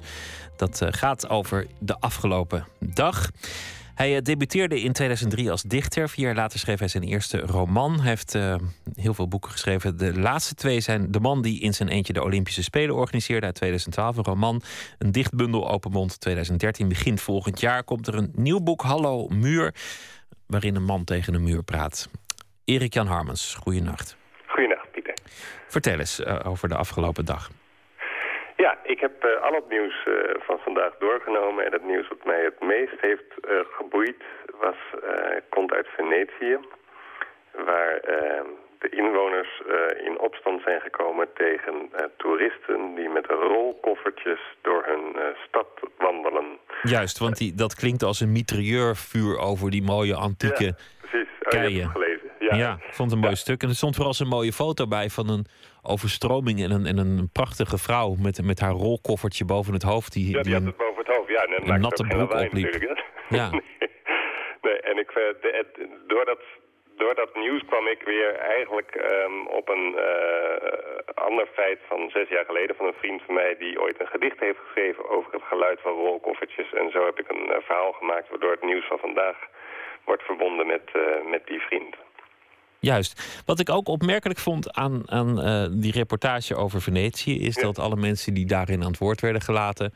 Uh, nou ja, zoals dat in iedere toeristische stad gebeurt... voeterden op de toeristen. Maar dat ze ook zeiden, die mensen komen hier niks brengen. Je, je zou toch zeggen, die komen gigantische hoeveelheden geld brengen... en, en de handelsgeest die, die verwelkomt dat. Maar zo dachten de Venetianen daar totaal niet over. Nee, dat is wel opvallend, hè? Ja, precies. Ja, ja. Het lijkt me, en, en wat ik ook dacht, is dat het wel een... Uh, goudmijn is voor uh, kofferfabrikanten natuurlijk. Want die gaan natuurlijk nu geluidsarme varianten maken... waarmee je dan wel uh, de, door Venetië kan. Want ze hebben het al over wieltjes waar lucht in zit en zo. Hè? Dus, nou, dat is een elegante oplossing, toch? Ja, precies. Terwijl ik denk, je kan ook gewoon die koffer tillen. Maar of is dat een rare gedachte? Nou, je, je zult versteld staan hoeveel mensen meenemen op vakantie... en hoe zwaar dat kan worden.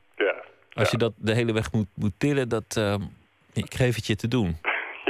Kijk, jij gaat altijd met een elegant weekendtasje met twee droge onderbroeken op pad. Maar, maar veel mensen die, die nemen echt een hele huisraad mee. Ja, ja, precies. Nou, dan is het misschien een stimulans om daar eens wat mee te minderen. Juist. Um, ja. Maar goed, jouw vriend heeft ooit een gedicht geschreven over de rolkoffer. Ja. Wil je het meteen voordragen of wil je je verhaal althans? Ja, ik, uh, ik zal het voordragen. Dan wordt het denk ik wel duidelijk uh, wat het verband is. Ga je gang. Toeristen in Venetië mogen niet meer met rolkoffertjes door de straten lopen... omdat de inwoners vinden dat het geluid van de wieltjes op het straatsteen klinkt als mitrailleurvuur. Het is maar wat je erin wil horen natuurlijk. Toen een man 4,5 jaar geleden tijdens de dodenherdenking op de Dam begon te schreeuwen... en mensen daarop in beweging kwamen, waarna een aantal dranghekken omviel... klonk dat geluid volgens aanwezigen ook als geweervuur, maar het waren hekken. Ik had een tijdje een vriendin met een snerpende stem... Ieder woord dat ze op me afvuurde voelde als een schot. Ik wilde niet bij haar weggaan, maar ik kon haar geluid niet langer aan. Ik heb trouwens wel degelijk een hekel aan het geluid van rolkoffertjes... want als ik ze hoor, denk ik aan mijn vriend Adriaan Jeggi... die op 10 juni 2008 overleed aan kanker op 45-jarige leeftijd. Jeggi was schrijver, columnist, trombonist, semi-professioneel kok en bovenal dichter. Hij woonde aan een gracht in Amsterdam in de nabijheid van enkele hotels... en in de tijd dat hij op zijn ziekbed lag om met de dag doorschijnender te worden, hoorde hij voortdurend het geluid van toeristen die langs zijn huis ratelden met hun bagage. Hij vond het het allerlelijkste geluid dat hij kende en schreef er een kort verbeten gedicht over dat zo gaat. Dit heb ik geprobeerd te zijn. De stappen die je hoort op een lenteavond. Het passeren van stevige zolen op vertrouwde steen. Eventueel een vlak van eau privaaf. Of een gefloten partita. Niet rolkoffertjes, rolkoffertjes, rolkoffertjes. Mooi ook met de, de uitgesproken R die alvast een beetje lijkt op het, uh, op het geratel van die wieltjes over, over de ja. keien. Ja, het, Ja. het is een heel kenmerkend geluid. Je, je herkent het uit duizenden, het geluid van, van meteen, ja. rolkoffertjes. En het, en het is heel, heel lelijk, denk ik. Ja, vind ik. Ja. Ja, het doet, me niet, doet me niet alleen denken aan toeristen trouwens. Er zijn, er zijn veel meer mensen die met rolkoffertjes lopen. Ik, ik, eh, ik heb talloze herinneringen aan, eh, aan rolkoffertjes. Vriendinnen die bij je weggingen, die hadden ook altijd een rolkoffertje dat heel hard over die keien ratelde. Ja, precies. Ik herken het geluid uit duizenden. Ja, Ja, precies. Ja, oh ja, dat is ook wel een mooi beeld eigenlijk. Ja. vind je? Dat vind ik wel een mooi beeld. Ik vond het van Adriaan Jeggi zo ontzettend... Weet je, dan lig je dus eigenlijk in de laatste weken van je leven. En ik bedoel, ja, hij woonde op zich wel op een mooie plek daar zo aan de gracht en zo. Maar dan, dan is dat het geluid dat je de hele hoort. Dat kon ik me zo goed voorstellen hoe hem dat ergerde. Zo, weet je, dat is vreselijk. Eh, en dat was eigenlijk, ik denk ook dat dat kenmerkt veel mensen die eh, in de laatste weken van hun leven zitten, dat ze dan op detailniveau ehm, ehm, eh, van dingen last hebben in plaats van dat hele grote wat te gebeuren staat. Hè. Dus dat kan het eten of drinken zijn of in dit geval geluid. Ehm, dat, daar focussen ze zich dan op en dat intrigeert me eh, enorm. Ja, want die laatste weken, terwijl je eigenlijk met iets groots bezig bent, die worden vaak ook heel klein. Omdat Ja. je leven gewoon kleiner wordt. Je ontmoet minder mensen, je gaat minder op pad, dat soort Ja. dingen. Tijd gaat heel traag, ja, zeker. Erik Jan, dank je wel voor het, eh, voor het verhaal over de rolkoffertjes in Venetië en eh, je eigen associaties met eh, het geluid van de ratelende rolkoffer. En eh, morgen graag weer een verhaal. Ja, graag tot morgen, dankjewel. Goeienacht. Ja. Douwe Bob was een sensatie in 2012. Toen won hij de beste singer-songwriter van Nederland. Een talentenjacht op televisie. Ehm, hij kwam al uit een eh rock'n'roll milieu. Want zijn ouders die ontwierpen kostuums voor de Hollies en de Beatles in de jaren eh 60. 29 januari er komt er een Nederlandse film in eh, de bioscopen. Een scenario van Gustav Peek, Gloek Auf. En de titelsong daarvan die komt van Douwe Bob. Een eh, mooi nummer, Mine Again.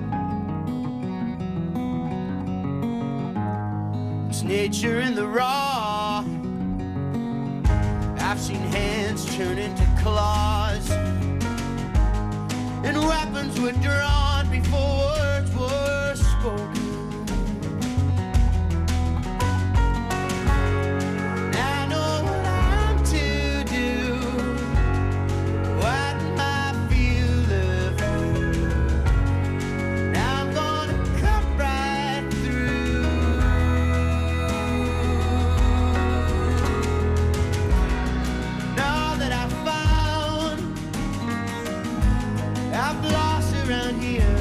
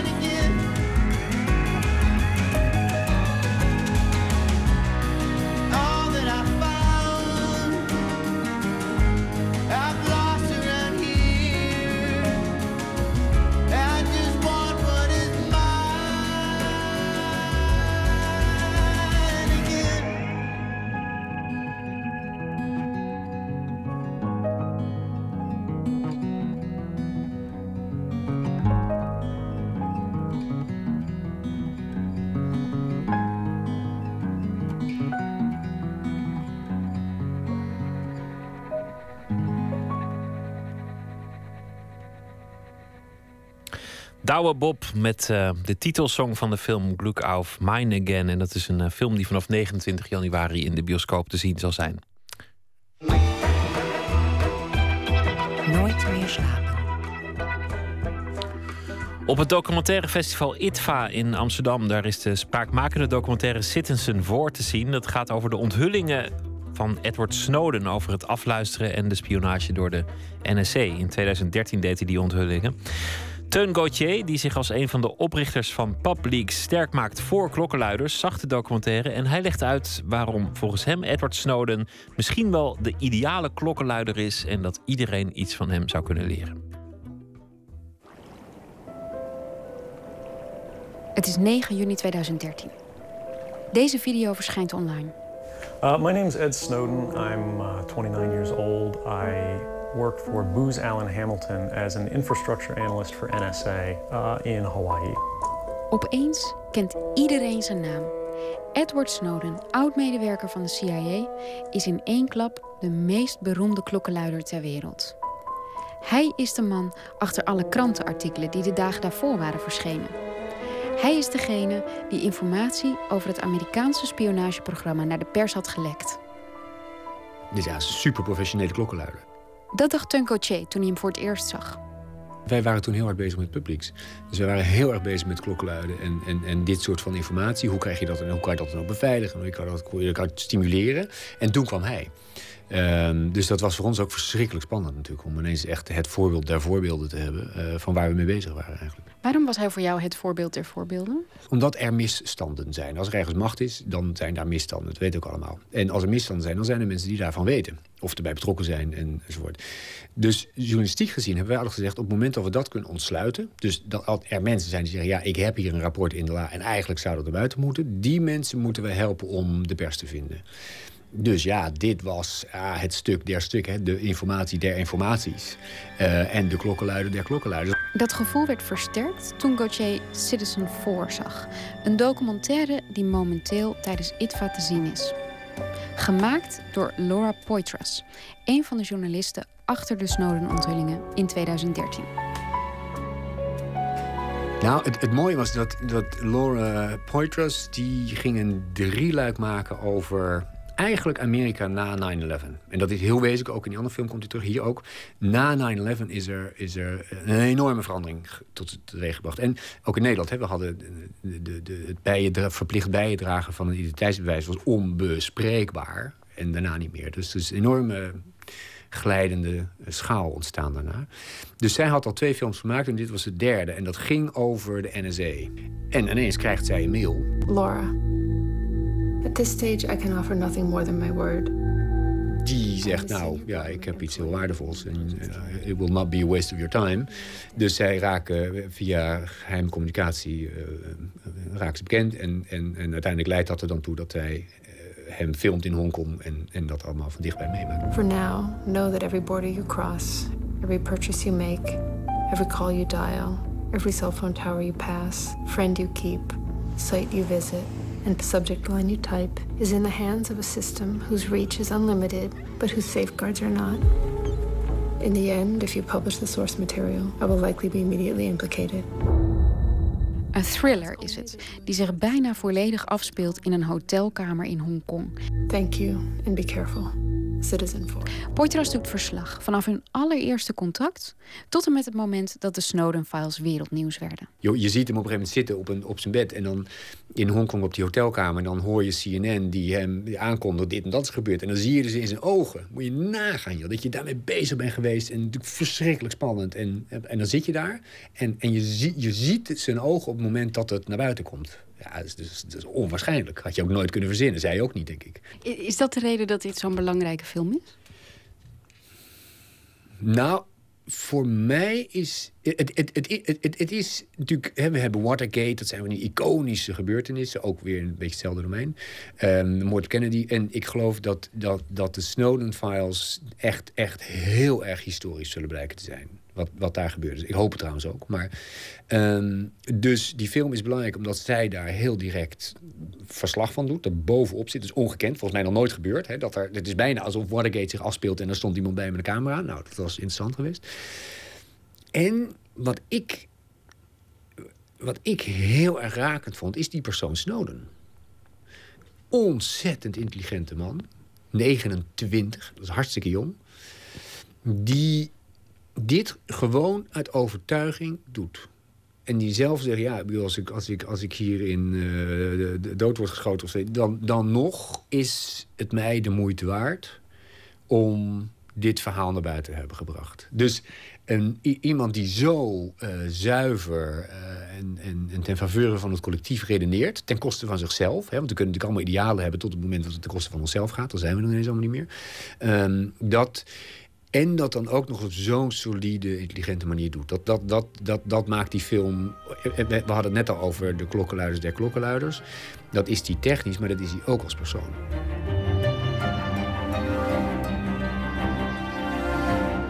Snowden zegt de hele tijd dat hij zich goed realiseert uh, wat de consequenties zijn voor hem persoonlijk. Ik vroeg me wel af of dat daadwerkelijk zo is. Of je je zoiets kan, kan realiseren van tevoren.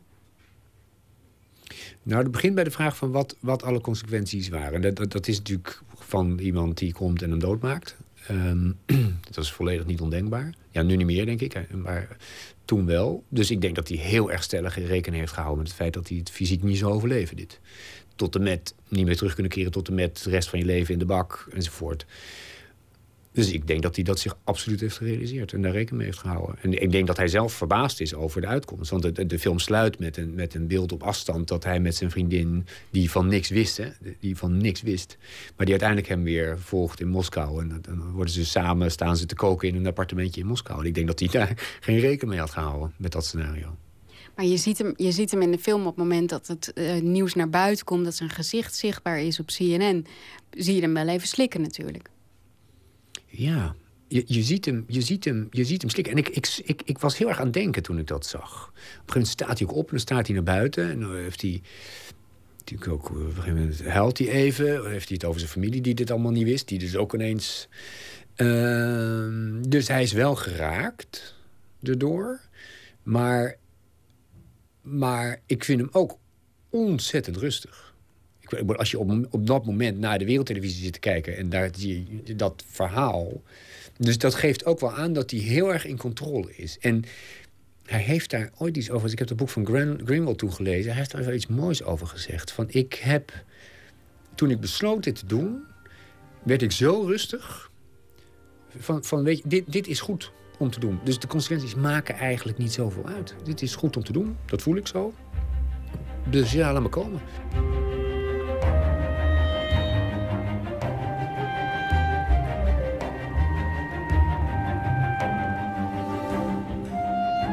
Wat ik ook wel, dat is, ook, ook, als je naar de film kijkt, dan Ik heb nog een andere film gekeken, namelijk... eh, je hebt Citizen 4, waar we het over hebben eh, nu. En, eh, en er is nog een film Silence, die ook over klokkenluiders gaat. En een verschil tussen de twee films is met name dat klokkenluiden een vak is. Want je kunt natuurlijk wel zeggen, ja, goh, ik heb iets eh, en dat ga ik even doorgeven. Maar als je ziet hoe professioneel Snowden dat doet, zowel technologisch, hij weet natuurlijk ook alles van beveiliging en zo, maar ook welke medestanders die kiest, eh, hoe die het aanpakt, hoe die de, alle consequenties heeft overwogen. Dus ja, super professionele klokkenluider, om het zo maar te zeggen. Publix wil al die klokkenluiders die die technische kennis niet in huis hebben, een handje helpen. Via hen kunnen ze hun informatie toch anoniem en veilig doorspelen aan journalisten. Gauthier hoopt dat mensen die misstanden zien daardoor eerder aan de bel trekken. Maar dan nog denkt hij dat Snowdens aanpak en zijn onthullingen verplichte kost zouden moeten zijn voor journalisten en klokkenluiders. Veiligheid zit natuurlijk maar voor een deel in de techniek. Maar voor een ander deel in als jij met een eh, telefoon aan naar een internetwinkeltje gaat om daar te internetten, ja, dan weten ze echt dat je daar geweest bent. Als je daar met pinpas betaalt, al helemaal. Dus, dus als je het over serieuze informatie hebt die gaat lekken, dan, dan moet je dat heel professioneel doen. En dan moet je er echt in verdiepen. En professioneel betekent kijken welke documenten je nodig hebt om je verhaal te ondersteunen, de juiste journalisten erbij zoeken dat? De juiste journalist, zorg dat je informatie goed en compleet is. Dat je niet zegt, ja, er is nog een bewijs, maar ja, dat heb ik even niet. Want dat is gewoon heel lastig om een verhaal rond te krijgen. Ehm, en je moet zorgen dat je gangen niet na te trekken zijn. Want als, jij, ik bedoel, als je hele gevaarlijke documenten... je werkt op het ministerie van Defensie... je lekt gevaarlijke documenten vanaf je bedrijfscomputer... ja, dan heb je een probleem. Dat moet je natuurlijk niet doen. En dus in die termen moet je ook heel goed nadenken. En dan natuurlijk ook niet s'avonds bij het voetbalteam zeggen... joh, ik heb nou wat gedaan en uh, je mag het niet doorvertellen. Ik bedoel, ja, ja, dan gaat het mis.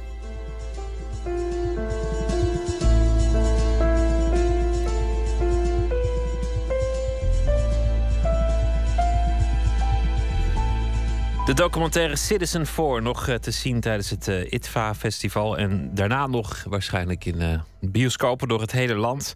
En uh, ja, wie een grote onthulling te doen heeft, die kan altijd terecht bij Publix om het aan de grote klok te hangen. De 20-jarige Engelse zangeres Ella Irie heeft nog geen album uit, maar zij komt wel in de belangstelling omdat zij covers maakt van bekende hits uit het uh, verleden. En die dan uh, helemaal op haar eigen manier doet. Dit was een van die uh, liedjes. Mensen die al een dagje ouder zijn herkennen het nog als een jaren tachtig hitje. We don't have to take our clothes off to have a good time. Van Jermaine Stewart was dat in der tijd. Maar zij heeft er een heel ander liedje van gemaakt. Ella Irie.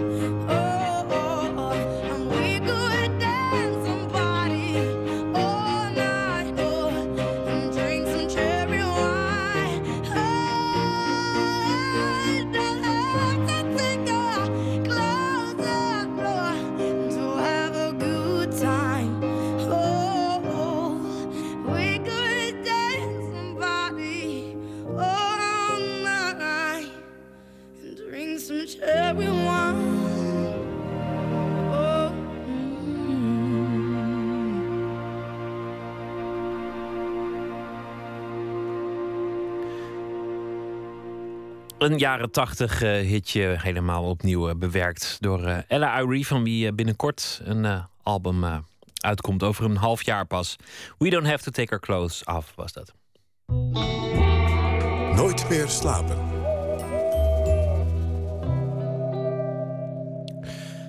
Komende zaterdagavond in Amsterdam een muziekevenement met de titel Anonymous, de titel anoniem met uh, DJ's, acts, live muziek en niet één naam wordt genoemd, want alles gebeurt anoniem en dat heeft ook een, uh, een reden. Anton de Goede is nachtcorrespondent. Goeienacht Anton. Ja, goeienacht Pieter. Normaal bij een evenement moet je het hebben van grote namen, maar hier uh, geen één naam genoemd. Is dat wel verstandig? Verstandig, dat zal moeten blijken. Want ze moeten mensen hebben natuurlijk en ze moeten mensen trekken. En hoe trek je mensen als er geen naam wordt genoemd? Dus of het verstandig is, dat is de vraag. Ik begrijp inmiddels wel een beetje de diepere gedachte.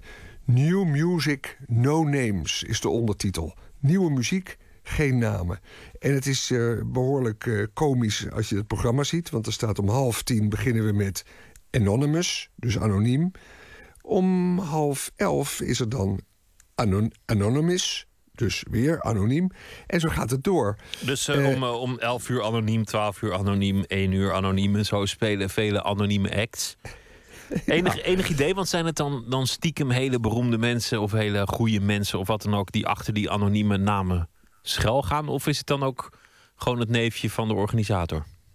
Nou, ik heb Juha van hetzelfde gebeld, want dat weet ik dus niet, want ja, we weten van niks. Juha van hetzelfde, die blijkt dit te organiseren namens Sonic Acts. En Sonic Acts is een jaarlijks festival en dit kan je een beetje zien als een zijprogramma. Die Juha van hetzelfde is zelf DJ en die zei eerder vandaag: we vonden eigenlijk dat het tijd is om een keertje niet te zeggen wie er komen optreden. Inderdaad, uh, zei hij, nadat ik vroeg, is dat een grap? Toen zei hij, ja, inderdaad is het om de pret te verhogen. Maar ook met de gedachte in de wereld van de muziek zijn hypes en hoge prijzen. Zo het plezier aan het bederven van het publiek en ook van ons als programmeurs. Wij gaan lekker tegen de stroom in. Niks grote namen, helemaal geen namen zelfs. En men ziet wel wie er gaan optreden en met welke muziek wij komen. En de gedachte daarachter is eigenlijk door de terugloop van de platenverkoop. Iedereen die heeft het door. Je hebt Spotify, je hebt Soundcloud, je hebt YouTube. Door die terugloop moeten bands het steeds meer hebben van live optredens. En daardoor is die markt steeds meer een markt van grote namen geworden. Want zelfs de grote... hele grote jongens moeten optreden om nog geld te verdienen. Dus, dus het is een soort wapenwedloop van wie de grootste naam in huis heeft. Dat is precies de kern eh, van het probleem. Hoor wat Juha van hetzelfde daarover zegt. Die beweging, daar ageren we tegen. Het, um, het gebrek aan risico, het gebrek aan innovatie, het gebrek aan jong talent dat je steeds maar weer dezelfde grote namen terug ziet komen. En die monocultuur, ook al zijn er heel veel festivals en hebben ze allemaal een eigen identiteit. Toch zijn ze heel erg ingeschreven door, door, door het tourschema van de artiesten. En waar het vroeger leek dat een artiest toerde om een album te verkopen... maakt nu een artiest een album om te kunnen toeren. Dus het is gewoon omgekeerd. Ja, Anton, waarom vind jij dit zo interessant? Want ik kan me voorstellen dat een luisteraar in Almelo denkt... ach, een feest in, in Amsterdam zonder grote namen. Wat interesseert mij het nou helemaal? En de, en de organisator heeft nog praatjes ook. Waarom vind jij dat interessant? Ik vind het interessant omdat ik me afvraag of hij gelijk heeft. Uh, en als hij gelijk heeft, dan is er iets uh, interessants aan de gang. Want dan heb je kans dat uh, allemaal nieuwe initiatieven, leuke bands die niet een heel groot publiek gelijk trekken, in de knel komen. Um, want zo is het toch precies wat hij zegt. Op, op Facebook en op andere sociale media blijkt dit al te leven. En zie je kreten als Anonymous tegen commercie, voor clubcultuur. Uh, Anonymous verzet zich tegen de tendens van commercialisering ja, van en feesten en festivals. En als je tegen commercialisering bent, moet je dat vooral op, op de site van de grote multinational Facebook zetten. Sorry dat ik een beetje loop te zeuren hoor, maar goed. Ja, dat is een heel ander vraagstuk. Hè. Uh, dat, ja, dat is een andere discussie. Zullen we daar een andere keer over praten? Laten we dat. Maar goed, ja. dit, um, de gedachte hier is: we gaan kijken of we publiek kunnen trekken. zonder grote namen, uh, met andere woorden, vrij van die vermalendijde commercie. Ja. Je moet dan denken, want je bent toch benieuwd... wat is daar nou zaterdag te horen? Nou, dat Sonic Acts heeft hele experimentele elektronische muziek gebracht... in het verleden die ongeveer als volgt klinkt.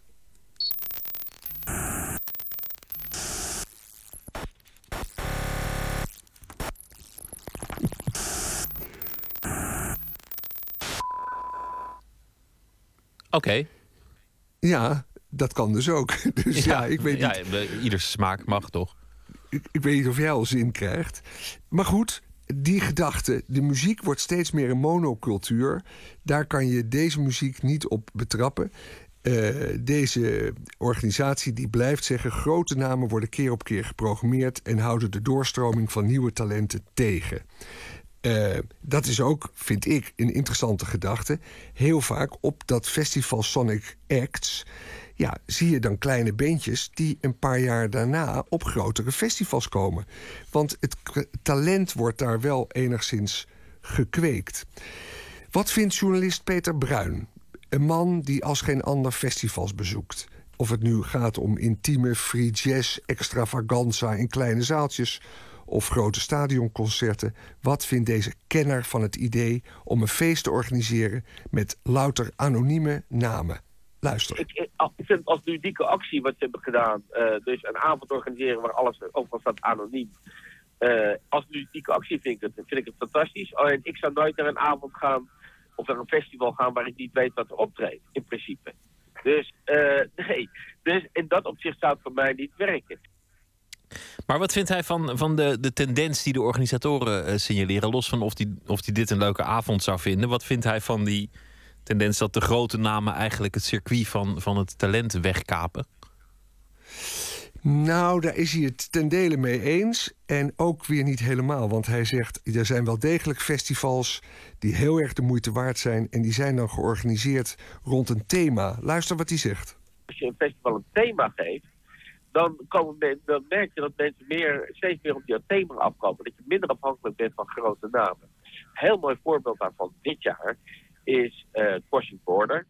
Dat uh, heeft uitverkocht zonder grote namen. Gewoon omdat mensen de formule, de unieke formule van uh, Border kunnen waarderen. En, en, en dus uh, je, moet wel wat, je moet wel door een paar dingen geprikkeld worden. Maar dat hoeven geen hele grote namen te zijn. Want hele grote namen die gaan je festival gijzelen, zoals het heet. Ja, een te grote naam, dan komt iedereen alleen maar voor de naam, niet voor het festival. Dat, dat is nergens uh, goed voor. Dat zie je altijd. Hè? Als, als een klein festivalletje ineens, nou ja, weet ik veel, Beyoncé binnenhaalt of zo, dan, dan is de pret een beetje weg voor de andere acts. Ja, en hij zegt dus de, de kwaliteit was een beetje, beetje slecht en hij was ook verkouden, hoor ik net. En hij zegt, als je een festival rond een thema organiseert, dan kan je weer wel kleinere initiatieven en kleinere groepen die nog maar net beginnen. Uh, van een publiek voorzien en is, werkt het wel zoals Crossing Border, waar literatuur en muziek samenkomen. Uh, nou ja, dus hij is ietsje minder somber, vindt het wel een mooi initiatief.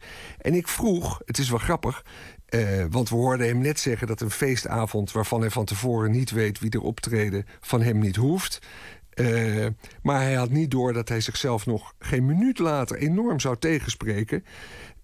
Hoezo namelijk vindt hij een verrassingsavond niet leuk? Want luister nu naar wat hij zegt nadat ik hem vraag of hij dacht dat dit iets nieuws was. Een bijeenkomst waar op voorhand niet duidelijk is wie er optreden. Opnieuw Peter Bruin het is volgens mij niet, niet, niet, helemaal nieuw, nee. Nou ja, heel concreet. Afgelopen eerste kerstdag, toen mijn vrouw en ik, we zaten een beetje wat zullen we eens gaan doen. En toen had het theater in Amsterdam, die hadden een verrassingsprogramma. En van de hele middag een hele revue met, met uh, muziek en, en andere dingen. En het was uh, totaal onbekend wat kwam. En het was 25 euro entree. En daar zijn wij naartoe geweest. En dat was een ontzettend leuke middag. Dat was in de Rode Bioscoop. En uh, ja, daar was er was wat jazz en er was wat levendlied en er was van alles. Maar we hebben dus niets, was geen enkele naam genoemd van tevoren. Zie je, hij kan het uh, ook wel degelijk uh, leuk vinden. Anton de Goede, ja, een initiatief uh, tegen de commercie en misschien wel een, een hele nieuwe gedachte. Want er blijkt uit allerlei kanalen dat het aanslaat. Aanstaande zaterdag Paradiso Noord te Amsterdam. New names, no names, new music. En ze zitten ook op Facebook met Ja. hun eh, agering tegen de commercie. Anton de Goede, dankjewel. Op, op, het, op, het, op het door jou verafschuwde Facebook. Nee, ik verafschuw je- Facebook niet. Ik zeg alleen dat als je tegen commercie bent, dan, dan moet je niet dat. Nou ja, ik bedoel, ik vind Facebook prima. Maar om, Oh, om- ja, want als- je bent zelf, je- jezelf ook heel actief op Facebook, toch? ja, ja, maar ik ben ook niet tegen commercie. Kijk, dan is het gewoon consequent. Wens je We goede gaan, hier nacht. nog een keertje, we gaan hier nog een keertje op terugkomen. Prima. Dat ga je goed. Ze hebben zich eh, vernoemd naar het hotel en eh, vooral ook het kamernummer waar eh, Janis Joplin is overleden. De Nederlandse band Landmark 105. Enorm geïnspireerd door Amerikaanse muziek en dan vooral Janis Joplin. Hun debuut heet This Time. Het nummer dat wij draaien heet It Ain't Right.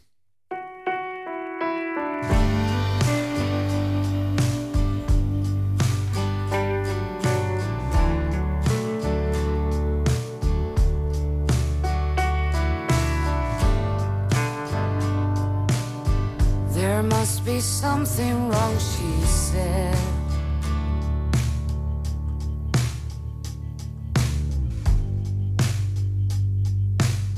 Time rushes by and I can't keep up. I don't wanna hurt no more. I should leave before it stops. Can say goodbye,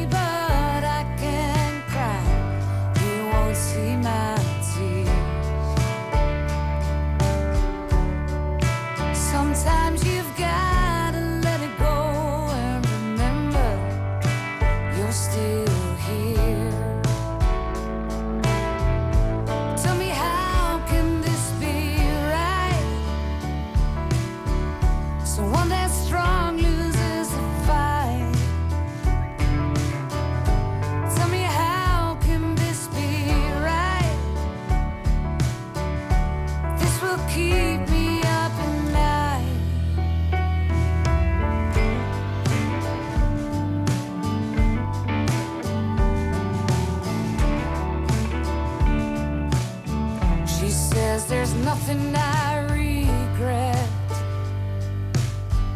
You shouldn't live in the past. Though it's good to look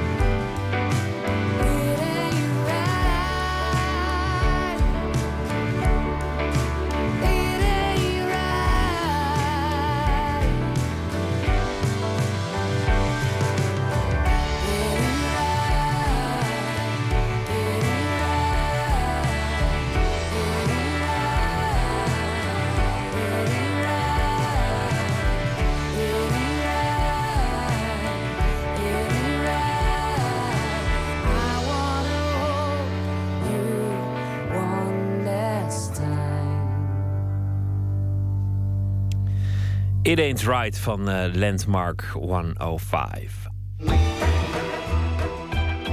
Nooit meer slapen.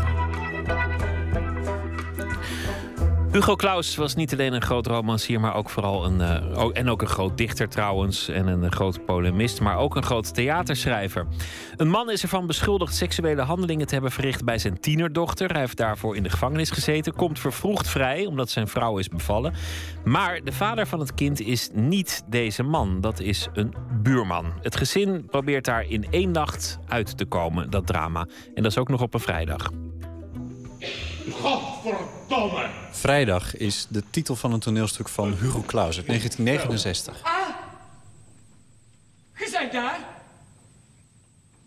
Het is toch waar? Dit zijn Kitty Courbat en Frans Rademakers... die het 45 jaar geleden speelden. Ik dacht dat het een grap was. De Vlaamse schrijver Hugo Claus schreef graag over begeerte en moraal. Dat deed hij ook in het stuk Vrijdag. Dat vanaf deze week opnieuw is te zien bij het Nationale Toneel. Hoe moet je verder nadat er iets heel ergs is gebeurd? Casper van der Putten. Hij is de regisseur van Vrijdag. En in dit geval is dat heel erg dus een, een drama. Hè? Is het, heeft die man dat met die dochter gedaan of niet? Er is iets gebeurd, anders zou die dochter dat überhaupt niet hebben gezegd. Dus wat, wat, wat speelt daar en vooral hoe kan je verder leven nadat er zoiets ergs is gebeurd? Nadat het leven is langsgekomen? Ik tref Casper in zijn huis.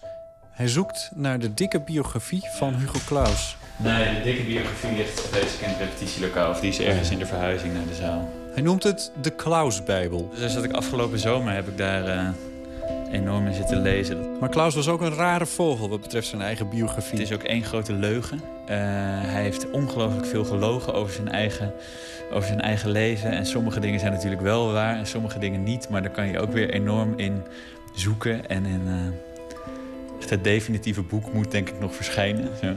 Maar dat gaat waarschijnlijk ook nooit helemaal lukken. Hij heeft altijd enorm veel mist om zichzelf heen uh, geblazen. Ja. Uh, door heel veel te vertellen. Dus hij heeft nooit gezegd, daar vertel ik niet over. Hij heeft gewoon de ene keer dat en de andere keer dat verteld. En er zijn ook anekdotes over dat, dat voor zo'n achterflaptekst, weet je, over het leven van Klaus, dat hij wat opschreef over zichzelf. En dat dan een redacteur terugschreef van, maar meneer Klaus, dit klopt toch niet? Hij zegt, ja jongens, wat maakt dat nou uit? Dat is toch een mooi verhaal? Dat is toch goed? Hugo Claus werd in 1929 in Brugge geboren en overleed in 2008. Hij was dichter, schrijver, kunstschilder en filmmaker. Hij had een enorme productie, waaronder meer dan 75 toneelteksten en bewerkingen. Vrijdag ging in Amsterdam in première en Klaus liet de Hollandse acteurs, dus Rademakers en Cuba, Vlaams spreken. Tenminste, een deels zelfverzonnen soort Vlaams accent, aldus Casper. In zijn versie gebeurt dat niet. Ja, ik liep er tegenaan dat ik dacht, het is een stuk dat onder andere over incest gaat. En ik merkte dat als ik dat met deze Nederlandse acteurs in het Vlaams zou gaan spelen, dat dat dan bijna een soort studie zou lijken van een Vlaams probleem. Zo. Kijk, de, hier in Vlaanderen zitten ze hiermee. Dus dat leek me te veel. Ik, ik had het idee dat het zou afleiden van het verhaal wat helemaal overeind blijft staan als je het hoort alsof het ergens in Nederland afspeelt. Casper vindt Klaus een meester in het maken van mensen. Het creëren van personages. Ze, ze zijn helemaal geloofwaardig, terwijl ze ook heel erg inconsequent zijn. De ene keer vinden ze dit en de andere keer vinden ze dat.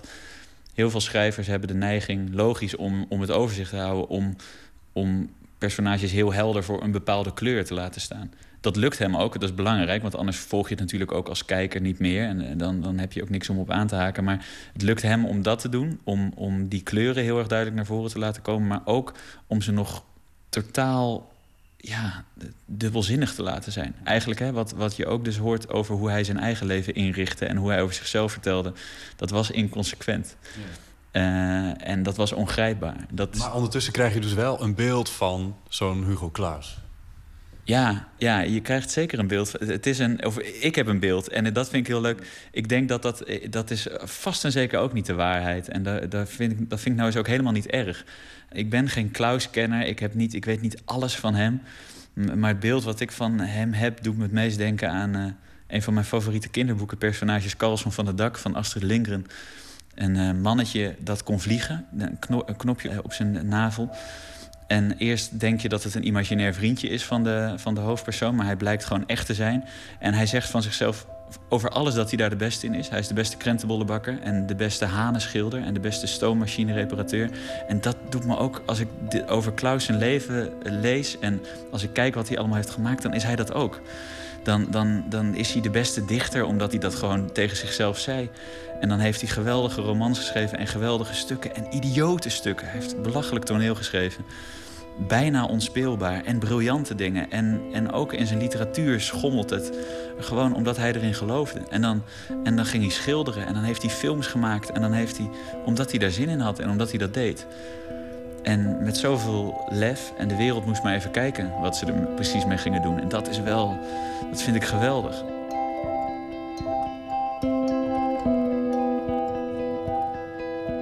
Hugo Claus was een Vlaming. Casper van der Putten is half Vlaams. Ja, mijn vader is een, uh, is een Vlaming. En uh, die is uh, al lang geleden hier naar Nederland gekomen. Maar ik heb dus, hij komt uit een katholiek gezin. Dus ik, ik, vier, vijf keer per jaar gingen wij daar naartoe. En dat was een uitje. Dan moesten we twee keer tweeënhalf uur in de auto. En dan kregen mijn broer en ik kregen een pakje sinaasappelsap. En bij Antwerpen mochten we de eerste drinken. En uh, dat, was de, dat, was, dat was België voor mij. Dus, dus ik, ken, ik ken België anders, want ik ken het van mijn familie en ik ken het van de gebruiken. Maar ik ken het ook altijd een beetje als een raadsel. Als iets waar we eens in de zoveel tijd naartoe gingen. En ik weet het verschil tussen Oost-Vlaams en West-Vlaams. En ik weet, ik kan het horen en ik kan het. Dus er zijn allemaal dingen in Klaus die ik herken, maar ik heb ze niet doorleefd. Het is meer een, het is een land wat dichtbij voelt.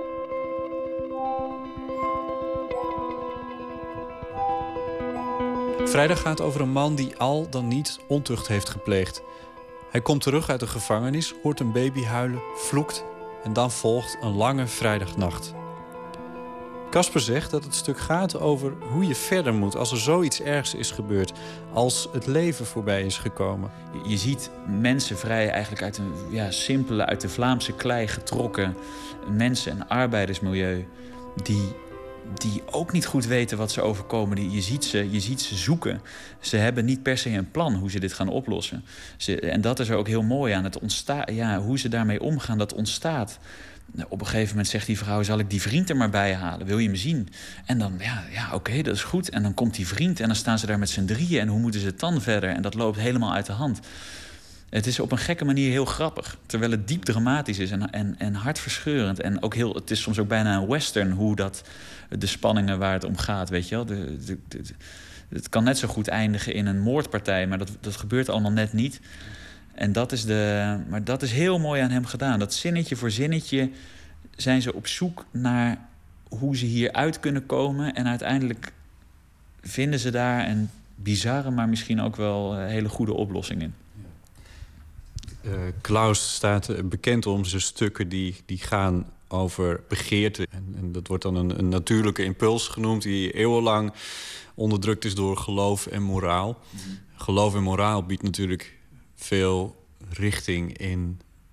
Uh, als het leven langskomt, zoals je dat dan zo mooi zegt. Maar dat laten we los in de laatste decennia. Dit, dit, is in 69 geschreven, dus toen was dat ook nog heel actueel. Mm -hmm. dat, uh, dat, de kerken los werden gelaten. Dat is dus het spanningsveld. Begrijp ik dat goed? Ja, ja, voor mij is dat zeker.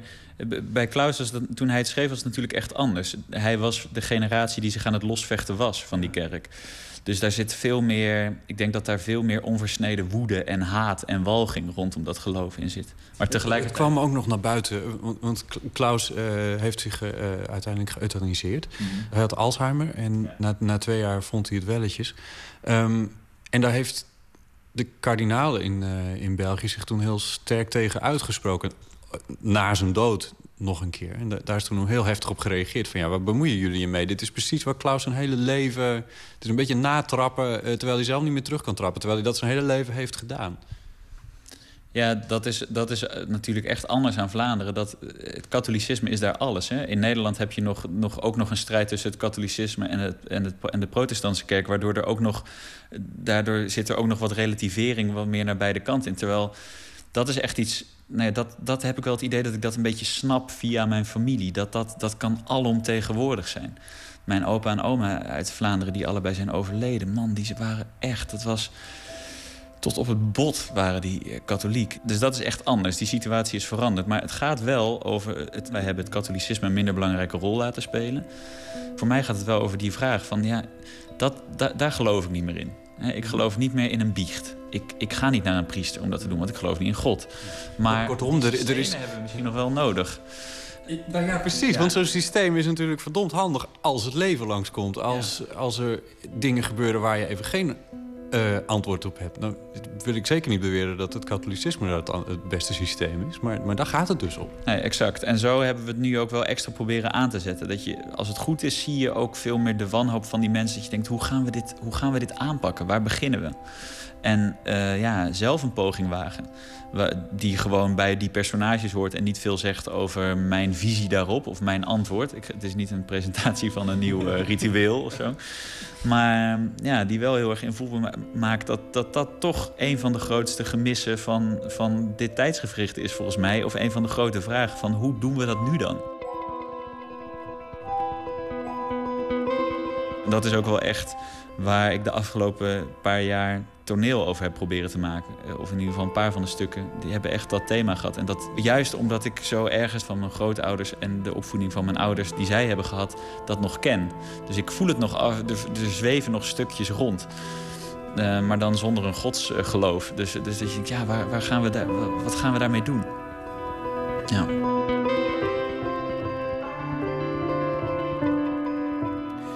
Casper van der Putten was dat, eh, de regisseur van het stuk Vrijdag van het Nationaal Toneel. Dat is geschreven door eh, Hugo Claus. Gaat eh, vrijdag in première. Het stuk heet ook Vrijdag. In het theater aan het Spui in Den Haag. En daarna is het in heel veel steden in Nederland nog te zien. Tot half januari. De band I Am Clued komt uit Manchester. En over de stad Manchester is een film gemaakt over de nasleep. Althans, het is een eh, BBC-dramaserie eigenlijk. De nasleep van een eh, aanslag van de IRA, een eh, bomexplosie. Logisch dus dat deze band daar ook de muziek voor ging maken. En dat werd een liedje Northern Skies.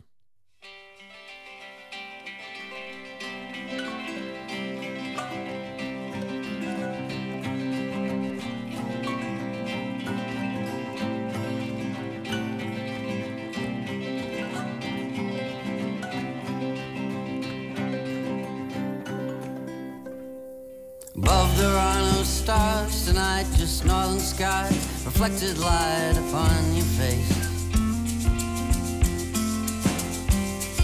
Some people think stars rule our lives, some people they think otherwise, they can be replaced. Where did you go on that big black night? Did you take the coast road back through your life? See the sand,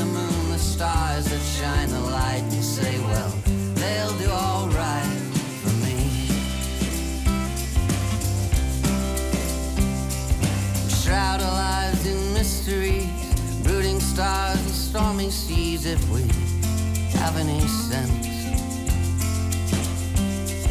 Storm clouds roll are free to break, and we're free to make the same mistakes again and again.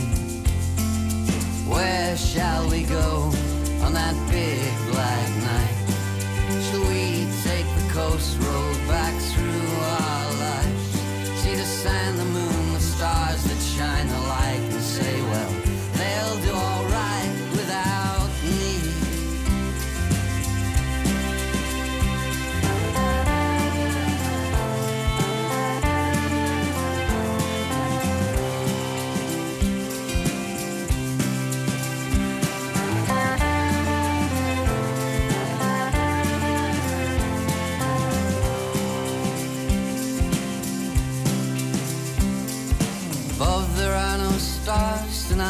northern skies, reflected light, fields of snow.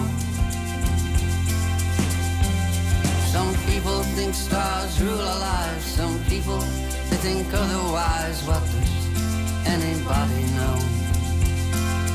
Where shall I go on that big black night? Shall I take the coast road back through my life?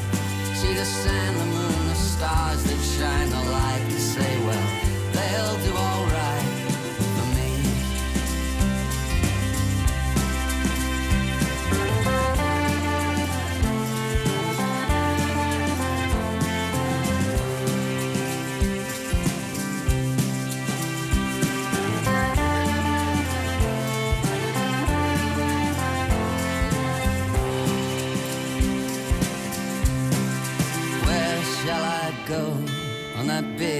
black night. Shall I take the coast road back through my life? See the sun, the moon, the stars that shine the light and say, well, they'll do alright for me.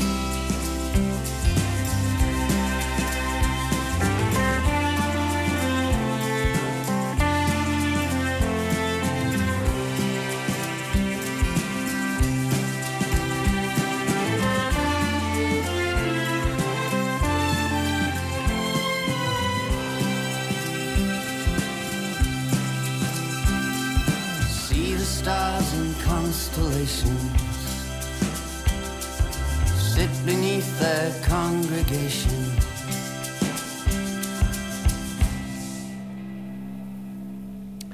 I Am Clued, Northern Skies van de BBC-serie From There to Here over een IRA-bomexplosie in Manchester. Dit was Nooit meer slapen. Morgennacht zijn we er weer. Dan eh, komt Dirk Drouwlands, Vlaming en bioloog, op bezoek. Hij heeft een boek geschreven, De Macht van het Minuscule, over de wonderlijke wereld van schimmels, gisten en bacteriën. En hoe eh, mooi, nuttig en sympathiek die ook eh, zijn.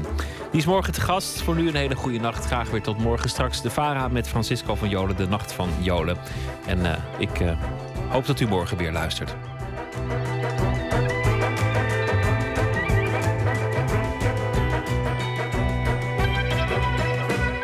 Op Radio 1, het nieuws van alle kanten.